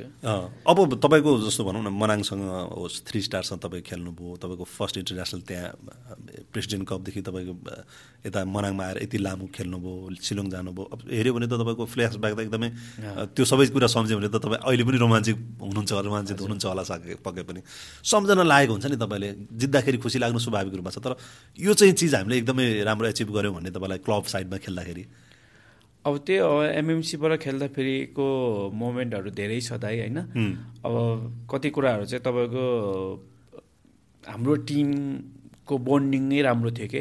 अनि त्यतिखेर कस्तो भने टिम बन्डिङ टिम मात्रै होइन म्यानेजमेन्टको बन्डिङ पनि राम्रो हुनुपर्दो रहेछ भन्ने मैले चाहिँ त्यो फिल चाहिँ गरेँ। होइन? त्यो गर्दाखेरि चाहिँ एमएमसीमा धेरै टुर्नामेन्टहरू जित्दाखेरिको मेमोरियल छ दाइ। अब नेसनल टिमको कुरा गर्दाखेरि चाहिँ अब मेरो क्याप्टेन्सीमा सोलारिटी कप जित्यो होइन? त्यो एउटा एउटा हिस्ट्री रच्यो अब खुसी लाग्यो त्यो कुराहरू। तर दुःखको कुरा के हो भन्दै सबैभन्दा एकदमै दुःख लागेको सबैभन्दा मिहिनेत गर्दा गर्दा हामी हार बेर्न परेको भनेको तपाईँको त्यो बेलामा हामीले साफ च्याम्पियनसिप जित्न सक्थ्यो कि? किनभने नेपालले अहिलेसम्म टु थाउजन्ड थर्टिनको कुरा 13 को कुरामा- जुन हामी काठमाडौँमा खेलेको थियौँ। हजुर। त्यो म्याच त्यो म्याचमा चाहिँ किन टिम पनि राम्रो थियो हामीलाई सपोर्टरहरू पनि त्यत्तिकै राम्रो थियो। मलाई चाहिँ के फिल हुन्छ भने हामी अहिले यो ठाउँमा छौँ होइन अनि हामीलाई जुन सपोर्ट गर्दा गर्दाफेरि चाहिँ जुन फ्यानहरू हुन्छ नि उहाँहरूलाई म जहिले नै रेस्पेक्ट गर्छु क्या दाइ कि उहाँहरूले जति नै नेपाली फुटबल राम्रो होस् नहोस् होइन तर नेपाली फुटबललाई यति सपोर्ट रङ्गशालामा यति सपोर्ट गर्नुहुन्छ त्यो अहिले पनि मलाई खुसी लाग्छ। है। त्यो कुराले गर्दाखेरि त्यो बेलाको साफ च्याम्पियनसिप चाहिँ हामीले जित्नुपर्ने चाहिँ थियो कि दाइ। सबैभन्दा एकदम चित्त दुखेको चाहिँ ओभरअल होल नाइट हामी सुतेन क्या दाइ। एउटा एउटा एउटा हलमा बसेर डिस्कसन मात्रै खालि धेरै नबोल्ने एकअर्काले मुख हेऱ्यो रात होल रात बितायो अफगानिस्तानसँगको सेमिफाइनल हामी चाहिँ हारिसकेपछिको कुरा हजुर। अब त्यहाँ फेरि अर्को एउटा खुसीको कुरा जोडिएको त हामीले इन्डियालाई हराउन सकेको त त्यति बेला हो नि त फेरि। होइन तपाईँले गोल गर्नुभयो जुमानु राईले गोल गरेर हामी दुई एक जित्यौँ सायद होइन? दुई एकले हजुर। हाम्रो फर्स्ट विन थियो सायद त्यो नेसनल टिमलाई हजुर हजुर होइन? भनेपछि त त्यो त्यो एउटा चाहिँ मेमोरी पनि त छ नि त तपाईँसँग। त्यो हार तपाईँको सेमी फाइनलको हार त छ दुःख कुरा त थियो हामी फाइनल पुग्ने पहिलोचोटि फाइनल पुग्ने चान्सेस थियो। हुन त हामी पछि टु थाउजन्ड ट्वेन्टी वानमा पुग्यौँ फाइनल पनि। हजुर। त्यहाँ हाम्रो सबैभन्दा राम्रो चान्सेस थियो त्यो जुन कुरामा। फेरि इन्डियालाई हराएको एउटा मेमोरी त फेरि तपाईँसँग छ नि त त्यो। त्यो चाहिँ छ। अब त्यतिखेर त अब सुनिल दाईहरूले पनि अब हाम्रो टिमलाई चाहिँ कस्तो राम्रो टिम भन्थे कि? जस्तै सुनिल दाईले भयो के अरे अलियास पाक के अरे मालदिप्सको प्लेयर भयो। होइन नेपालसम्म खेल्दाखेरि चाहिँ डर लाग्छ अरे क्या त्यस्तोसम्म हामीलाई भन्यो। किनभने हामी चाहिँ एउटै होटलमा बस्दाखेरि चाहिँ हामी अपोनेन्ट भएर टिम खेले पनि हामी कहिले लन्च डिनर ब्रेकफास्टमा त सँगै हुन्छ कुरा त भइरहेको छ नि। भन्दा फेरि साथी हो तर हामीलाई कस कहिले कहिले चाहिँ हामीलाई त्यस्तो खालको कुरा चाहिँ उनीहरूले सेयर गर्थ्यो क्या नेपालको टिम यस्तो बलियो छ भन्थ्यो क्या है त्यस्तो खालको छाप चाहिँ साउथ एसियनमा चाहिँ हामीले बनाएको चाहिँ छौँ क्या उम्। साउथ एसियामा त अहिले पनि नेपाललाई चाहिँ एउटा स्ट्रङ टिम हो भनेर चाहिँ जसले नि रेस्पेक्ट चाहे त्यो एज ग्रुपमा होस् चाहे त्यो सिनियर टिममा होस् त्यो चाहिँ त्यसरी रेस्पेक्ट त दिन्छ नि। एकदम एकदम। त्यो चाहिँ एकदम अहिलेसम्म पनि त्यो छँदैछ दाइ। किनभने पहिला पहिलाको सिनियर दाईहरूले पनि त्यही अनुसारको चाहिँ एउटा कायम राखेको छ नि त। छाप एउटा छाप छ। बनाएको छ। त्यो कारण कारणले गर्दाखेरि त्यसलाई तपाईँहरूले पनि अगाडि बढाउनु भयो। अब हजुर। अहिलेको पुस्ताले पनि त्यो कुरालाई त कायम गरेछ नि। हजुर। टु थाउजन्ड ट्वेन्टी वानमा हामीले मालदिप्समा हेऱ्यौँ भने चाहिँ हामी फाइनलै पुग्यौँ होइन। हजुर। पछि हामी इन्डियासँगै हार्यौँ। तर जे होस् हाम्रो त्यो इभेन्ट हेर्ने हो भने हामी राम्रो गरेका थियौँ। हजुर। तपाईँलाई नेसनल टिममा चाहिँ दस वर्ष खेल्दाखेरिको थुप्रै होला तपाईँको चाहिँ इन्सिडेन्टहरू रमाइलो पनि होला कतिको दुःख लागेको क्षणहरू पनि होला। अघि तपाईँले भन्नुभयो टु थाउजन्ड ट्वेन्टी थर्टिनमा टु थाउजन्ड थर्टिनमा तपाईँहरूको चान्सेस भएको धेरै ठाउँमा त तपाईँहरूले निराशै पनि भोग्नु पर्यो होला नि होइन? सधैँ अब दुःखको कुरा भन्दाखेरि अब त्यो त भइहाल्यो होइन? अब एउटा म खेल्दाखेरि तपाईँको के अरे जोर्डनसम्म खेल्दाखेरि हामीले नौ गोल खायौँ। है। फर्स्ट डेमा हामी जोर्डन गरेर खेल्दाखेरि। नौ गोल पनि खायौँ होइन? अब त्यस्तो त्यस्तो कुराहरू पनि छ। फेरि फर्केर त्यही टिमलाई यहाँ आएर वान वान गरेर हामी जित्ने चान्स भएर पनि। वान वान ड्र पनि भयो। पनि भयो। पाँच दिनपछि खेल्दा। त्यतिखेर चाहिँ जुन हाम्रो कोचले भन्थ्यो कि अब हामी प्रेस मिटमा जाँदाखेरि चाहिँ हामीले चाहिँ नौ गोलले हामीले जित्छौँ भनेर ग्राम रोबरले नि भनेको थियो कि। भन्नुको मतलब के हो भने चाहिँ हाम्रो टिमलाई बुस्टिङ गरेको के। होइन मोटिभेट गरेको हो। होइन मैले त्यसरी बुझेँ क्या अहिले आउँदाखेरि। कतिले यो कोच त बौलायो क्या भन्ने खालको कुरा पनि आइरहेको थियो। तर तर त्यो कुरा अहिले आउन बुझ्दाखेरि आफ्नो प्लेयरलाई चाहिँ मोटिभेट गर्नको लागि चाहिँ उसले त्यो बोलेको रहेछ भन्दाखेरि प्रुभ भयो नि त। वान वान ड्र भयो राम्रै भयो। रिजल्ट राम्रो आयो नि त। नौ गोल खाएर आएको अब यहाँ चाहिँ वान वान ड्र है राम्रो एउटा चाहिँ त्यो कोचहरूको पनि त्यो एउटा कति कुराहरू चाहिँ बोलेको कुराले पनि प्लेयरहरूलाई। चाहिँ फरक पार्दो रहेछ भने त्यो कुरा याद भयो कि दाइ अँ। अब जस्तो तपाईँको नेसनल टिमको दस वर्षको तपाईँको यात्रामा तपाईँ सेभेन्टिनमा रिटायर गर्नुभयो सिक्सटिनमा हामी सोलिडारिटी कप जित्यौँ हजुर। एएफसीको फर्स्ट इभेन्ट थियो हाम्रो। हुन त त्यसलाई कसैले चाहिँ त्यो सिगरेटको टुर्नामेन्ट हो पनि भन्नुभयो होइन? कसले के भन्नुभयो आफ्नो आफ्नो तर्क होला त्यसमा। तर एएफसीको अफिसियल हामीले जितेको एउटा इभेन्ट चाहिँ त्यो थियो। हजुर। तपाईँको करियरको तपाईँ जे होस् नजिक भनौँ न रिटायरमेन्टको नजिक पनि हुनुहुन्थ्यो। तपाईँको बेस्ट मोमेन्ट मध्ये त्यो हो फुटबल करियरको त्यो पनि हो अब एउटा नेसनल टिमको क्याप्टेन्स लिडरसिपमा एउटा जितेको त्यो टुर्नामेन्ट भइहाल्यो। अनि त्यसपछि हामी यहाँ तपाईँको टु थाउजन्ड नाइनमा हामी फर्स्ट प्राइम मिनिस्टर कप खेल्दाखेरि चाहिँ होइन हाम्रो दुइटा टिमहरू खेलेको त्यो बेलामा रेड र ब्लू भएर। हुँदाखेरि त्यतिखेरको माहौलै कस्तो थियो। त्यसपछि गेम जितिसकेपछि तपाईँको सबै दर्शक ग्राउन्डमा आउँदाखेरि चाहिँ होइन कस्तो खालको मेरो त भेषै थिएन। टी सर्टै थिएन। है? यताबाट तानेछ उताबाट तानेछ। त्यहाँ त्यो हुलबाट उस चेन्जिङ रुम लानै गाह्रो भइरहेको थियो। भन्नुको मतलब चाहिँ त्यो चाहिँ एकदम खुसीको क्षण हो नि त। होइन खुसीको क्षण हो। उनीहरूले नि हामीलाई पिट्न आएको होइन उसको आएको उनीहरूले हक गर्न आएको। होइन तर आफ्नो खेलाडीको नजिक आउने। नजिक आउन खोजेको। त्यस्तो खालको माया होइन त्यस्तो खालको उस चाहिँ म ममा छ के दाइ। त्यो किनभने त्यही भएर मैले फ्यानहरूलाई जहिले पनि के भन्छ रेस्पेक्ट गर्छु कि। उहाँले माया गर्नुहुन्छ यति सपोर्ट गर्नुहुन्छ। त्यो चाहिँ म जहिले पनि त्यो भनिरहेको छु दाइ। तपाईँ एकचोटि सुदूरपश्चिममा गएपछि त्यो पहिलोचोटि तपाईँले त्यहाँको एक्काइस लाखको पुरस्कार भएको इभेन्ट तपाईँले पहिलोचोटि जित्नु भएको थियो? त्यसको रात तपाईँसँग मेरो कुरा भएको थियो। अनि मैले सोधेँ तपाईँलाई कस्तो लाग्यो त्यहाँको इन्भाइरोमेन्ट भनेपछि। मैले यस्तो फ्यान यहाँको जस्तो त म त पहिलोचोटि आएको हजुर। होइन? यस्तो फ्यान होला भन्ने चाहिँ मलाई लागेको थिएन भन्नुहुन्थ्यो तपाईँले। त्यो बेला सम्झना छ। एकदम एकदम किनभने त्यतिखेर म त बेस्ट प्लेयरबाट बाइक पनि पाएको थिएँ सुदूरपश्चिममा होइन। अनि त्यतिखेर चाहिँ त्यो क्राउड के? क्राउड अब नेपाली फुटबल मन पराउने त्यति धेरै छन् भन्ने कुरा हामीलाई थाहा छ क्या दाइ। अनि र हामीले राम्रो गर्दै गयो भने अभियसली हामीलाई सपोर्ट गर्ने मान्छे त छँदैछ क्या त्यस्तो राम्रो क्राउड थियो अब। त्यो त अब एउटा काठमाडौँमा क्राउड हामी देख्न सक्छौँ। फुटबलको त अहिले लोकल लेभलमा पनि तपाईँ हेर्नु भने थुप्रै क्राउड देख्न पाउनुहुन्छ। अहिले पनि गोल्ड कपहरू थुप्रै भइरहेको हुन्छ। अर्को क्राउड भनेको पोखरामा हुन्छ तपाईँको। जस्तै पोखराको कुरा गर्दाखेरि ला- अस्ति एक हप्ता अगाडि चाहिँ गोल्ड कप सकियो।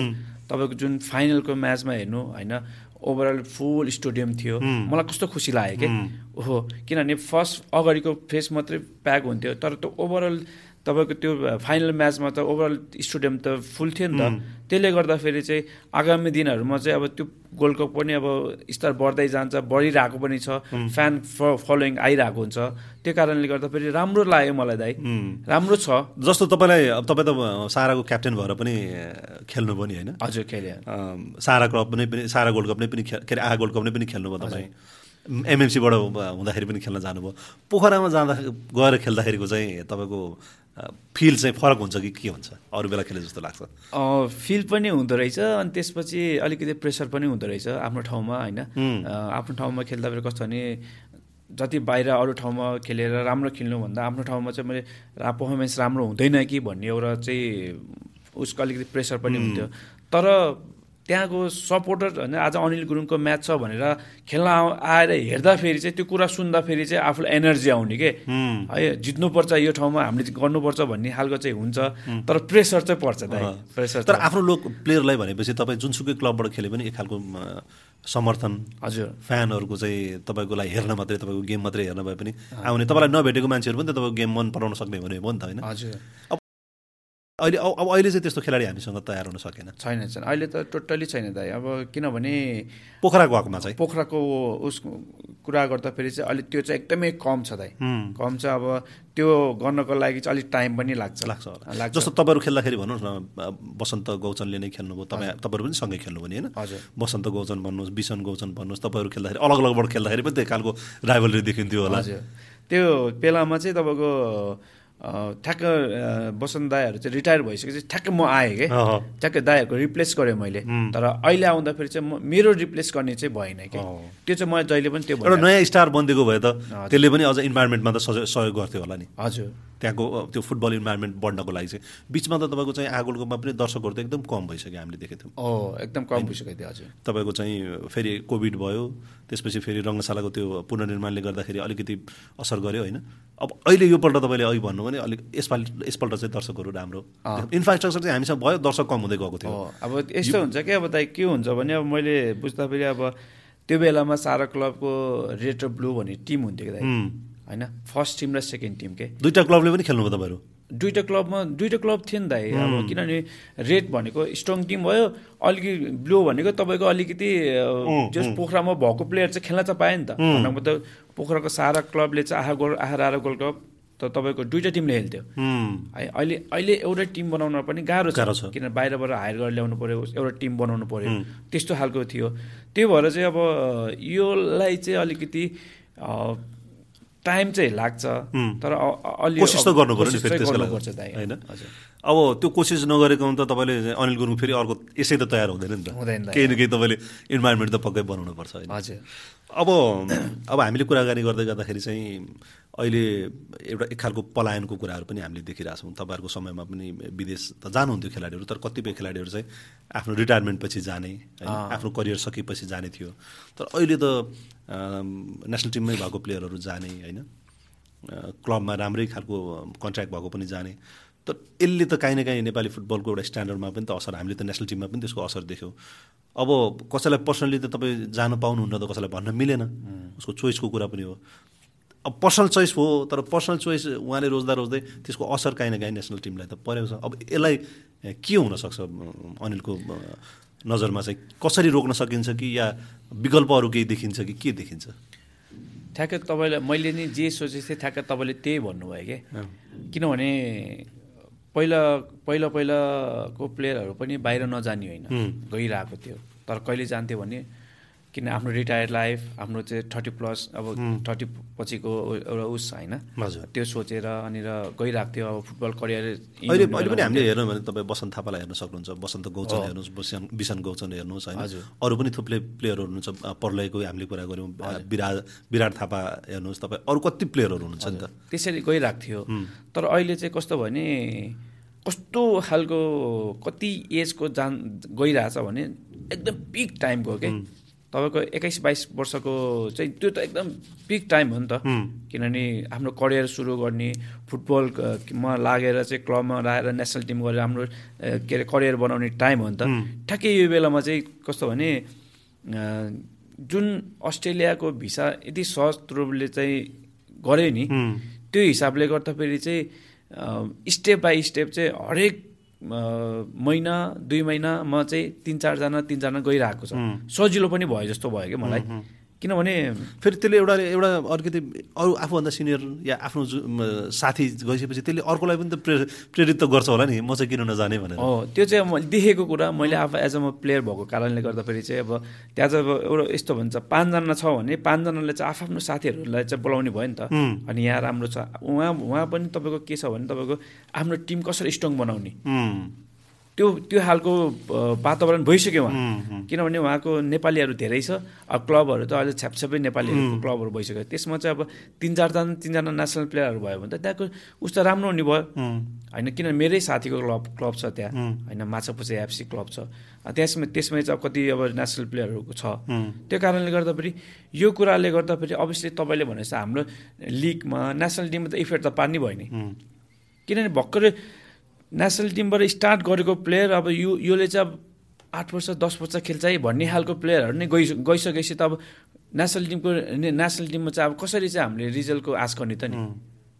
त्यो कुरा त हाम्रो त राज्यले हाम्रो त एफएले त्यो कुरा त बुझ्नु पऱ्यो नि। त्यो किन भइरहेछ किन गइरहेछ? हो तपाईँले भने जस्तो हामीले रोक्नु त सक्दैनौँ।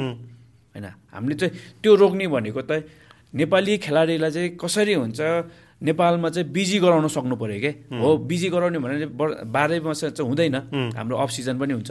तर त्योभन्दा अगाडिको चाहिँ हाम्रो क्यालेन्डर रेडी हुनु पऱ्यो हाम्रो चाहिँ एनएसएल र नेपाल सुपर लिग र तपाईँको लिग चाहिँ दुइटा लिग मात्रै एकदम व्यवस्थित तरिकाले लैजानुहोस्। दिमागमा सोच्ने केही पनि हुँदैन। प्लेयरले बाहिर जाने सोचै हुँदैन।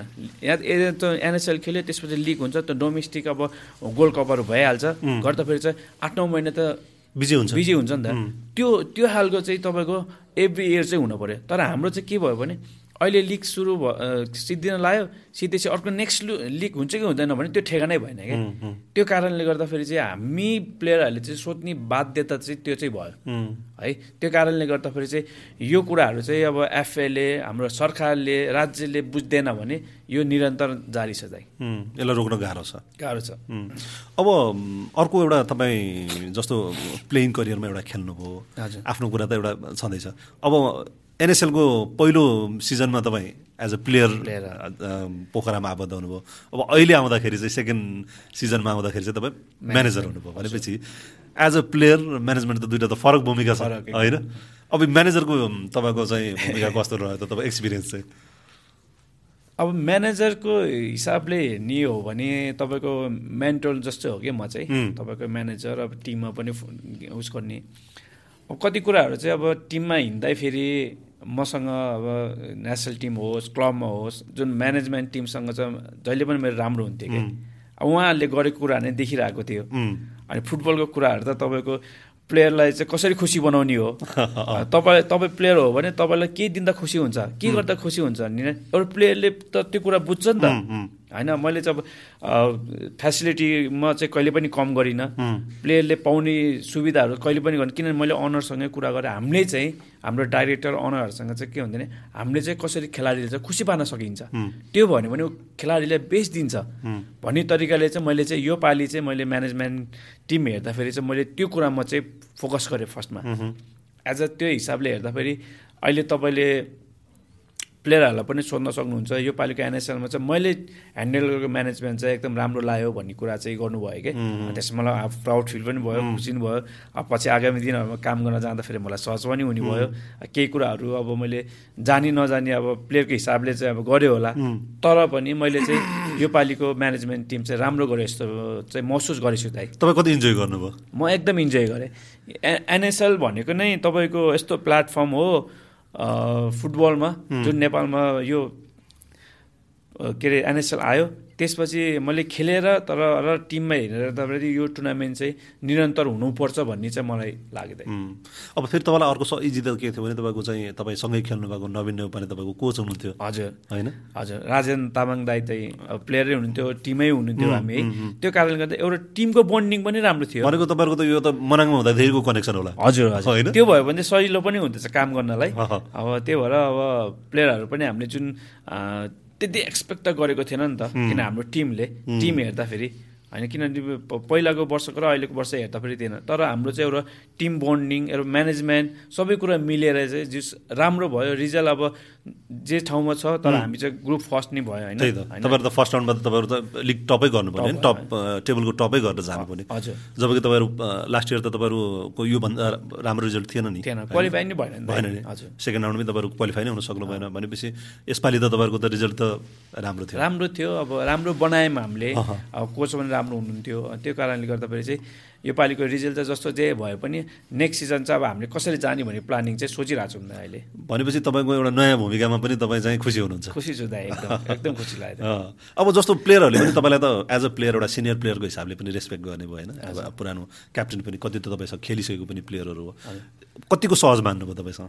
होइन एकदम कम्फर्टेबल दाइ।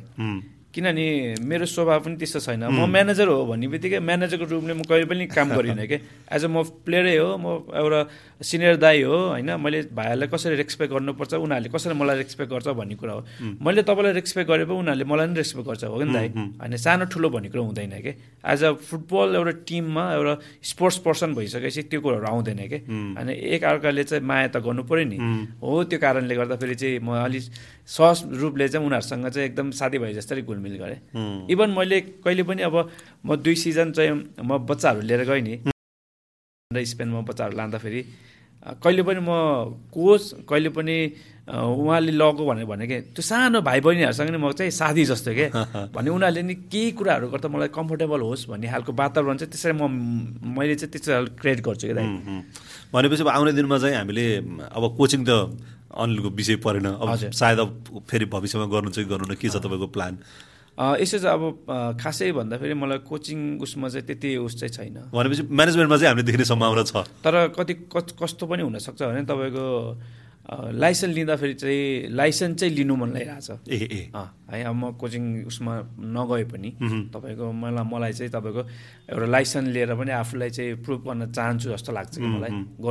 भविष्यमा त्यो हुने सम्भावना पनि छ। तर म्यानेजमेन्टमा चाहिँ तपाईँ हुनुहुन्छ हजुर। मलाई फेरि म्यानेज गर्न एकदम मजा लाग्छ त्यो पनि त एउटा स्किल हो नि तपाईँको मलाई त्यो सबै कुरा सेटअप गर्ने सबैलाई खुसी पार्ने सबैलाई के दिएर हुन्छ त्यो म्यानेजमेन्ट गर्नलाई चाहिँ मलाई पहिलादेखि नै मलाई त्यो कुरा चाहिँ मजा लाग्छ क्या मजा लाग्थ्यो।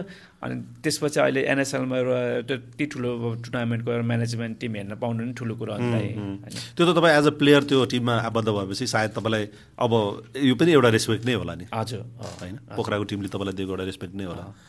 अब लङ टाइम जानुपर्छ यसलाई अब मेन कुरा अब पछि गएर अब नेक्स्ट अब यो अब अर्को सिजन चाहिँ नहोला होला कि नहोला भन्ने खास कुरा चाहिँ नआओस्। त्यो त्यो त्यो भयो भने एज अ नेपाली खेलकुदलाई नेपाली स्पोर्ट्सलाई चाहिँ फुटबललाई चाहिँ गाह्रो हुन्छ। घाटा हो त्यो। घाटा हो। अहिले प्लेयरहरूले एक खालको हामी पनि प्रोफेसनल सेटअपमा जान सक्छौँ है। हामी पनि अर्गनाइज गर्ने हिसाबमा पनि प्रोफेसनल सेटअपमै जान सक्छौँ। विदेशी खेलाडीहरू पनि हामी राम्रो ल्याउन सक्छौँ भन्ने कुरा त एउटा इक्जाम्पल सेट त गरेन गरिसकेँ किनभने हामीले तपाईँको डेढ महिनाको टाइममा हामीले यो एनएसएल हुँदाखेरि जहाँसम्म लाग्छ जति पनि क्लबले पार्टिसिपेट गरे नि त्यो क्लब र प्लेयर म्यानेजमेन्ट अनि र ओभर अनरहरूले कहिले पनि आउट अफ केही कुरा सोचेन होला कि खालि डेढ महिना चाहिँ फुटबलमा मात्रै फोकस गरे जस्तो लाग्यो कि तपाईँलाई आफ्नो आफ्नो समयको याद आएन फाइनल हेर्दा चाहिँ त्यो क्राउड? दाइ त्यो त एकदमै अब हुन्छ नि अब एनएसएलको फाइनलको है। एक्चुली फेरि फ्यानलाई फर्काउन त सफल भयो नि फुटबल होइन? एकदम दाइ त्यो त्यो चाहिँ एकदम ठुलो अहिले जुन हामीले चाहेको नै त्यो हो कि। किनभने हामीले तपाईँको एनएसएलको फर्स्ट सेकेन्ड म्याचहरू हुँदाखेरि चाहिँ कस्तो थियो मान्छेहरू? हामी आउनै गाह्रो थियो। आउनै गाह्रो थियो। अब हुँदैन के हो? अब फ्यानहरू ल्याउनलाई गाह्रो हुन्छ कि के हो? भनेको त हाम्रो एउटा त एउटा क्वेसन मार्क थियो नि त। है तर होइन फुटबल भनेको यदि तपाईँ राम्रो फुटबल दिनुभयो भने? हो भने चाहिँ किन होइन किन नआउने आउँछ। कतिजना मान्छेले त मैले सुने तपाईँको टिकट काटेर पनि बस्न पाएन। अरे। तर यसमा चाहिँ अलिकति के चाहिँ छ भन्दा होइन मलाई लागेको अब जति पनि अब अनलाइन टिकट काटेको हुन्छ नि त। अनलाइन काटेको हुन्छ तपाईँको अलिकति ढिलो जाला। तर त्यो अनलाइन टिकट काटेको मान्छेको सिट त सुरक्षित त हुनुपर्छ है दाइ। है। त्यो उसले एडभान्समा टिकट लिएको के काम कामै लाग्ने। किनभने हामी रङ्गशालामै गएर टिकट काटेको मान्छे मात्रै पस्न पाउने भन्ने त होइन नि त। तर यहाँ गुनासो के भयो भने तपाईँको अनलाइन टिकट काटेर पनि हेर्न पाएन पछि पैसा फिर्ता दिन्छु भनेर त्यो। हुँदैन हुँदैन। त्यसले चाहिँ कति नै हुँदैन। किनभने होला हजार पाँच सयको पन्ध्र सयको कुरा होला त्यो म लिन्न भनिदिनु भइहाल्यो होइन। तर उहाँले चाहिँ त्यत्रो म फुटबल हेर्न जान्छु म फुटबल हेरेर म अनलाइन टिकट काट्यो भनिसकेपछि त त्योभन्दा बढी टिकट चाहिँ बेच्नु हुँदैन क्या है? मलाई मलाई चाहिँ त्यो फिल भयो कि? पछि अब कति कुराहरू चाहिँ अब त्यस्तोहरू आयो नि त कुरा आयो सोच्दै जाँदा हिँड्दै गर्दा फेरि यदि मान्छे मैले यतिहरू पाँचवटा टिकट पाएको मेरो फ्यामिली जाँदा फ्यामिली हेर्नै पाइनँ भन्ने कुरा चाहिँ यस्तो पनि हुनसक्छ नि अनिलजी तपाईँको त्यो त्यो लेभलमा दर्शक आउँछ भन्ने कसो। होइन? त्यो पनि हुनसक्छ दाइ। जति भएर हामी त्यसको लागि तयार सायद थिएनौँ कि त? थिएन होला होइन? हाम्रो चाहिँ जति नै दर्शक हुँदाखेरि पनि त्यो बिचको रो भरिन्थ्यो दायाँ बायाँमा अलिअलि हुन्थ्यो त्यसरी प्याक त हुन्थेन। हजुर। सायद फाइनलमा चाहिँ हामीले सोचेभन्दा ज्यादा दर्शक आउनुभयो कि? अब अब नेक्स्ट टाइम चाहिँ अब अर्गनाइज। चाहिँ यो कुरा चाहिँ अलिकति ध्यान दिनु होला। तपाईँले चाहिँ एक्सपेक्ट गर्नुभएको थियो तपाईँले चाहिँ त्यत्रो मैले एक्सपेक्ट गरेको थिएँ दाइ। होइन? गरेको थिएन मैले। मैले एक्सपेक्टै गरेको थिएन मैले यत्रो क्राउड आउँछ भनेर। त्यो क्राउडमा फुटबल खेल्न पाउने दुइटा फाइनलिस्ट टिम छ नि एकदम लक्की हो। लक्की हो नि। एकदम लक्की दाइ। किनभने यो नेसनल टिममा त आइहाल्छ भइहाल्थ्यो। तर क्लब लेभलमा अब यो यो टाइममा यो दुइटा टिमले जुन क्राउडको बिचमा फुटबल खेल्यो नि एकदम खुसी लाग्यो। म प्राउड प्राउड मोमेन्ट हो। लक्की हो दुइटा टिम चाहिँ। तपाईँलाई पनि आफू पनि त्यहाँ कुनै दिन भइदिएको भयो भने मैले म म मैले म म म चाहिँ तपाईँको त्यो म्याच दुइटा म्याच हुँदाखेरि मेरो सोचाइ थियो के थियो भने हाम्रो टिम खेलेर आएछ भन्ने खालको भयो थियो किनभने म as a team manager as a team राम्रो थियो राम्रो यो पालि चाहिँ फाइनल खेल्ने टिम थियो भन्ने चाहिँ मलाई लागिरहेको थियो कि। धेरैको धेरैको एक्सपेक्टेसन पनि थियो। हामी हामीले टिभीमा हेर्दा हेर्दा म ग्राउन्डमा चाहिँ गइनँ।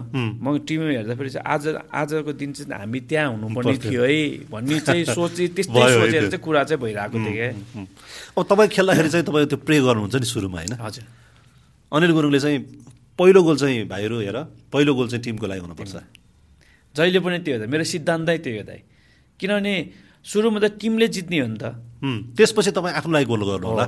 मैले जहिले पनि दाइ ब्रिफिङ दिँदा फेरि यताउता गर्दाखेरि जुनै हाम्रो अब हरेक कुराहरूको के अरे टिम मिटिङ हुँदाखेरि जहिले पनि के भन्छु भने टिमको लागि गोल हान्नु पऱ्यो टिमले जित्यो भने पो तपाईँ खेलेको पनि अर्थ हुन्छ. अब मैले गोल गरेँ तर मेरो टिम हार्यो भने कुनै अर्थै छैन त्यही भएर जहिले पनि हामीले कुरा गर्दाखेरि चाहिँ त्यो नै भन्छु दाइ मैले। सुजलसँग कुरा गर्दाखेरि पनि एकचोटि सुजलले पनि के भन्थ्यो भने मैले अनिल दाईबाट त्यो कुरा चाहिँ सिकेको छु। मैले पनि पछि क्याप्टेनसिप गर्दाखेरि पनि मेरो स्टार्टमै मैले के भन्थेँ भने पहिला टिमको लागि गोल गर अनि त्यसपछि दुई गोल तिन गोल भइसकेपछि अनि आफ्नो लागि गोल गर। हजुर। सेल्फिस त हुन्छ प्लेयर अलिकति. फरवर्ड भएपछि त सेल्फिस त हुन्छ मान्छु तर पहिला सेल्फिस हुने होइन। पहिला चाहिँ टिमकै लागि खेल चाहे नेसनल टिमबाट खेल चाहे क्लबबाट खेल टिमलाई जिताइसकेपछि अनि तिम्रो चाहिँ भ्यालु हुन्छ। टिम जितेन भने तिम्रो भ्यालु हुन्छ मैले त्यो कुरा चाहिँ उहाँबाट सिकेको भनेर भन्नुहुन्थ्यो। हामी चाहिँ- हामी जहिले पनि त्यही कुरा गर्थ्यौँ. अनि अब कुराकानी गर्दाखेरि चाहिँ के हो त हामीले अनिल गुरुङबाट सिक्नुपर्ने भन्दाखेरि चाहिँ उहाँहरूको भनाइ चाहिँ के भने एउटा पङ्क्चुअलिटी उहाँको एकदम अन टाइम जुनसुकै गेम होस् जस्तोसुकै गेम होस् आफ्नो चाहिँ सधैँ वेल प्रिपेयर्ड हजुर। अन टाइम जाने। त्यो कुरा चाहिँ हामीले उहाँबाट सिक्नुपर्छ। म त उहाँको कारणले धेरै कुरा सिकेको छु भनेर भन्नुहुन्थ्यो। हजुर। तपाईँ आफूले चाहिँ भन्नु पऱ्यो भने चाहिँ के चिजले होला अनिल गुरुङलाई अनिल गुरुङ बनाउन चाहिँ? म चाहिँ यस्तो छु दाइ अब मैले आफूले आफूलाई भन्दाखेरि म एकदमै हार्ड वर्किङ गर्ने मान्छे हो। एउटा कुरा मलाई के कुरा याद छ भन्दा म जुन बेलामा काठमाडौँबाट लिग खेलेर लिग सकेर म घर जान्थेँ नि। पोखरा जान्थेँ अनि कहिले पनि म घरमा सुतेर बस्थेन क्या दाइ। जस्तै अब रङ्गशालामा गएर ट्र्याकमा दौडिराख्दाखेरि चाहिँ अब मैले सुन्थेँ कि? अब त्यहाँ चाहिँ कति धेरै अब तपाईँको लाउडर ट्रेनिङ गर्नेहरू हुन्थ्यो। उहाँ ऊ चाहिँ अनिल गुरुङ है। ऊ त जहिले यहाँ दौडिन्छ नि। मैले ब्यागमा सुन्थेँ क्या है? अनि त्यस्तो खालको कुरा सुन्दाखेरि त्यो त त्यो त अरू मान्छेले भित्री मनदेखि भनेको नि। किन म त्यहाँ दौडिरहेको देख्दाखेरि चाहिँ उसले त्यो गरेको नि। उहाँले चाहिँ अब उता काठमाडौँमा पनि खेलेर आइसकेपछि यसरी चाहिँ मिहिनेत गर्छ है। सिङ्गल ट्रेनिङ गर्छ भन्ने खालको चाहिँ कुरा गर्दाखेरि चाहिँ म कहिले पनि कहिले पनि मेहनत गर्न नछाड्ने मान्छे त्यसले एक्स्ट्रा मोट मोटिभेट पनि गर्थ्यो तपाईँलाई एकदम। एकदमै मोटिभेट गर्थेँ त्यस्तो त्यस्तो कुराहरू सुन्न पाउनु नै मेरो लागि चाहिँ धेरै राम्रो कुरा हो नि त। मैले अघि नै किनभने म किन पैसाको पैसा प- पढे छैन भन्दाखेरि मैले मेहनत गर्दै गरेँ भने त त्यो पनि आउने रहेछ। आउने रहेछ नि त भन्ने खालको कुरा हुन्छ। त्यही भएर म कहिले पनि तपाईँको ट्रेन चाहिँ गरिराख्ने के? दौडिराख्ने उहाँ गएर उसको जाने। तर एउटा कुरा मेरो मेरो चाहिँ लाइफमा मैले चाहिँ आफ्नो क्लब एग्रिमेन्ट भएको प्ले क्लब बाहेक म अरू क्लबबाट कहिले पनि खेलिनँ। जस्तै अहिले अहिले के अहिलेको ट्रेन के छ भने अहिले गोल्ड कपहरू खेलिरहेको हुन्छ क- अरे अब के अरे एउटा टिम एउटा। टुर्नामेन्ट एउटा क्लबबाट खेल्ने आज खेलेर आज खेलेर भोलि खेल्न गइरहेको छ। भोलि खेलेर पर्सि खेलेर त्यो जित मतलबको भएन पैसाको लागि। तर कति कुराहरू चाहिँ तपाईँको खेलाडीहरूलाई चाहिँ त्यही कुराहरूले पनि त अलिकति राम्रो गरिरहेको छ नि त। तर मै मे- मेरो लाइफमा मैले कहिले पनि त आफ्नो क्लब एग्रिमेन्ट भएको क्लब बाहेक अरू क्लबबाट कहिले पनि खेलिनँ। तपाईँको आफ्नो डिसिप्लिन थियो। त्यो चाहिँ त्यो चाहिँ हो किनभने मलाई कतिले मलाई अफर गर्थ्यो बोलाउँथ्यो मलाई यति पैसा दिन्थ्यो उति हुन्थ्यो तर म कहिले पनि त्यसरी चाहिँ गइनँ दाइ। अनि त्यो सेकर हुँदैन के हुँदैन. त्यो चाहिँ मेरो आफ्नो सेल्फ के अरे डिसिसन हो त्यो होइन। तर त्यस्तो हुन्थ्यो। अब मेहनत गर्न चाहिँ मैले कहिले पनि छाडिनँ। तपाईँ अब घर फर्केर जाँदाखेरि छुट्टीमा हुँदा कहिलेकाहीँ त अब जति तपाईँ आठ दस वर्ष बाह्र पन्ध्र वर्ष त तपाईँ घरमा त्यति समय दिनु पक्कै पाउनु भएन होइन? घरमा जाँदाखेरि रेस्पोन्स त्यहाँको छिमेकीहरूको जो तपाईँसँग खेल्नुहुन्थ्यो तपाईँसँग मोजाको बल बनाएर खेल्ने होला स्कुलमा खेल्ने होला उहाँहरूसँग भेट हुँदाखेरिको चाहिँ कस्तो खालको उहाँहरूको फिडब्याक आउँथ्यो? त्यो त तपाईँको म टोलमा छिन्ने बित्तिकै अर्कै हा सरी अर्कै खालको इन्भाइरोमेन्ट हुन्थ्यो त्यहाँ त। तपाईँको म त्यहाँ आउँदाखेरि अब मालेबडारमा कति कुरो हिँड्दाखेरि चाहिँ ए अनिल भाइ आयो अनिल दाई आयो होइन। यस्तो त्यो खालको त त्यहाँ कति टोलकै इन्भाइरोमेन्ट नै अर्कै हुन्थ्यो कि। त्यो कुराहरू चाहिँ अब खुसी लाग्थ्यो। अब अब सानो सानो भाइ बहिनी तपाईँलाई मैले टिभीमा खेलेको देखेको थिएँ यस्तो यस्तो होइन। गर्दाखेरि खुसी लाग्थ्यो कि। अब मलाई एकदमै खुसी गौरव लाग्छ दाइ त्यो कुरा। त्यसले त एउटा नयाँ पुस्तामा नि त मोटिभेट त हुन्छ होला नि त होइन। म पनि यस्तै हुन पाए हुन्थ्यो भने जस्तो तपाईँहरूले आफ्नो समयमा सपना देख्नुहुन्थ्यो। हजुर। तपाईँ आ गोल्डको हेर्न जाँदाखेरि यस्तो प्लेयर हुन पाए हुन्थ्यो भने। त हामीले चाहिँ पहिला त्यही सोच्थ्यौँ नि त। त्यही सोच्थ्यो। अब अहिलेको बच्चाहरूलाई पनि त्यो खालको चाहिँ हुनुपर्छ। गर्छ जस्तो लाग्छ क्या मलाई। एउटा राम्रो एउटा टोलमा एउटा उसमा राम्रो भयो भने त अभियसली त्यो ऊ म जस्तो म जस्तो बन्छु भन्ने उसको मनमा त होला नि। हुन्थ्यो भन्ने कुरा चाहिँ हो। तर फ्यामिलीमा पनि सुरुमा त सपोर्टेड त होइन नि त मेरो त। होइन तर पछि अब त्यो मैले गरेको काम मैले गरेको समा समाजमा टोलमा देशमा होइन अब गर्दाखेरि चाहिँ अब घर परिवारमा पनि आमा बाबाहरूलाई चाहिँ एउटा प्राउड फिल गर्ने अनि उसको आमा हो उसको बाउ हो भन्दाखेरि उसको दाई हो भन्दाखेरि चाहिँ भाइ हो भन्दाखेरि चाहिँ घरमा पनि त्यो अहिले फिल गर्नुहुन्छ। फिल गर्नुहुन्छ।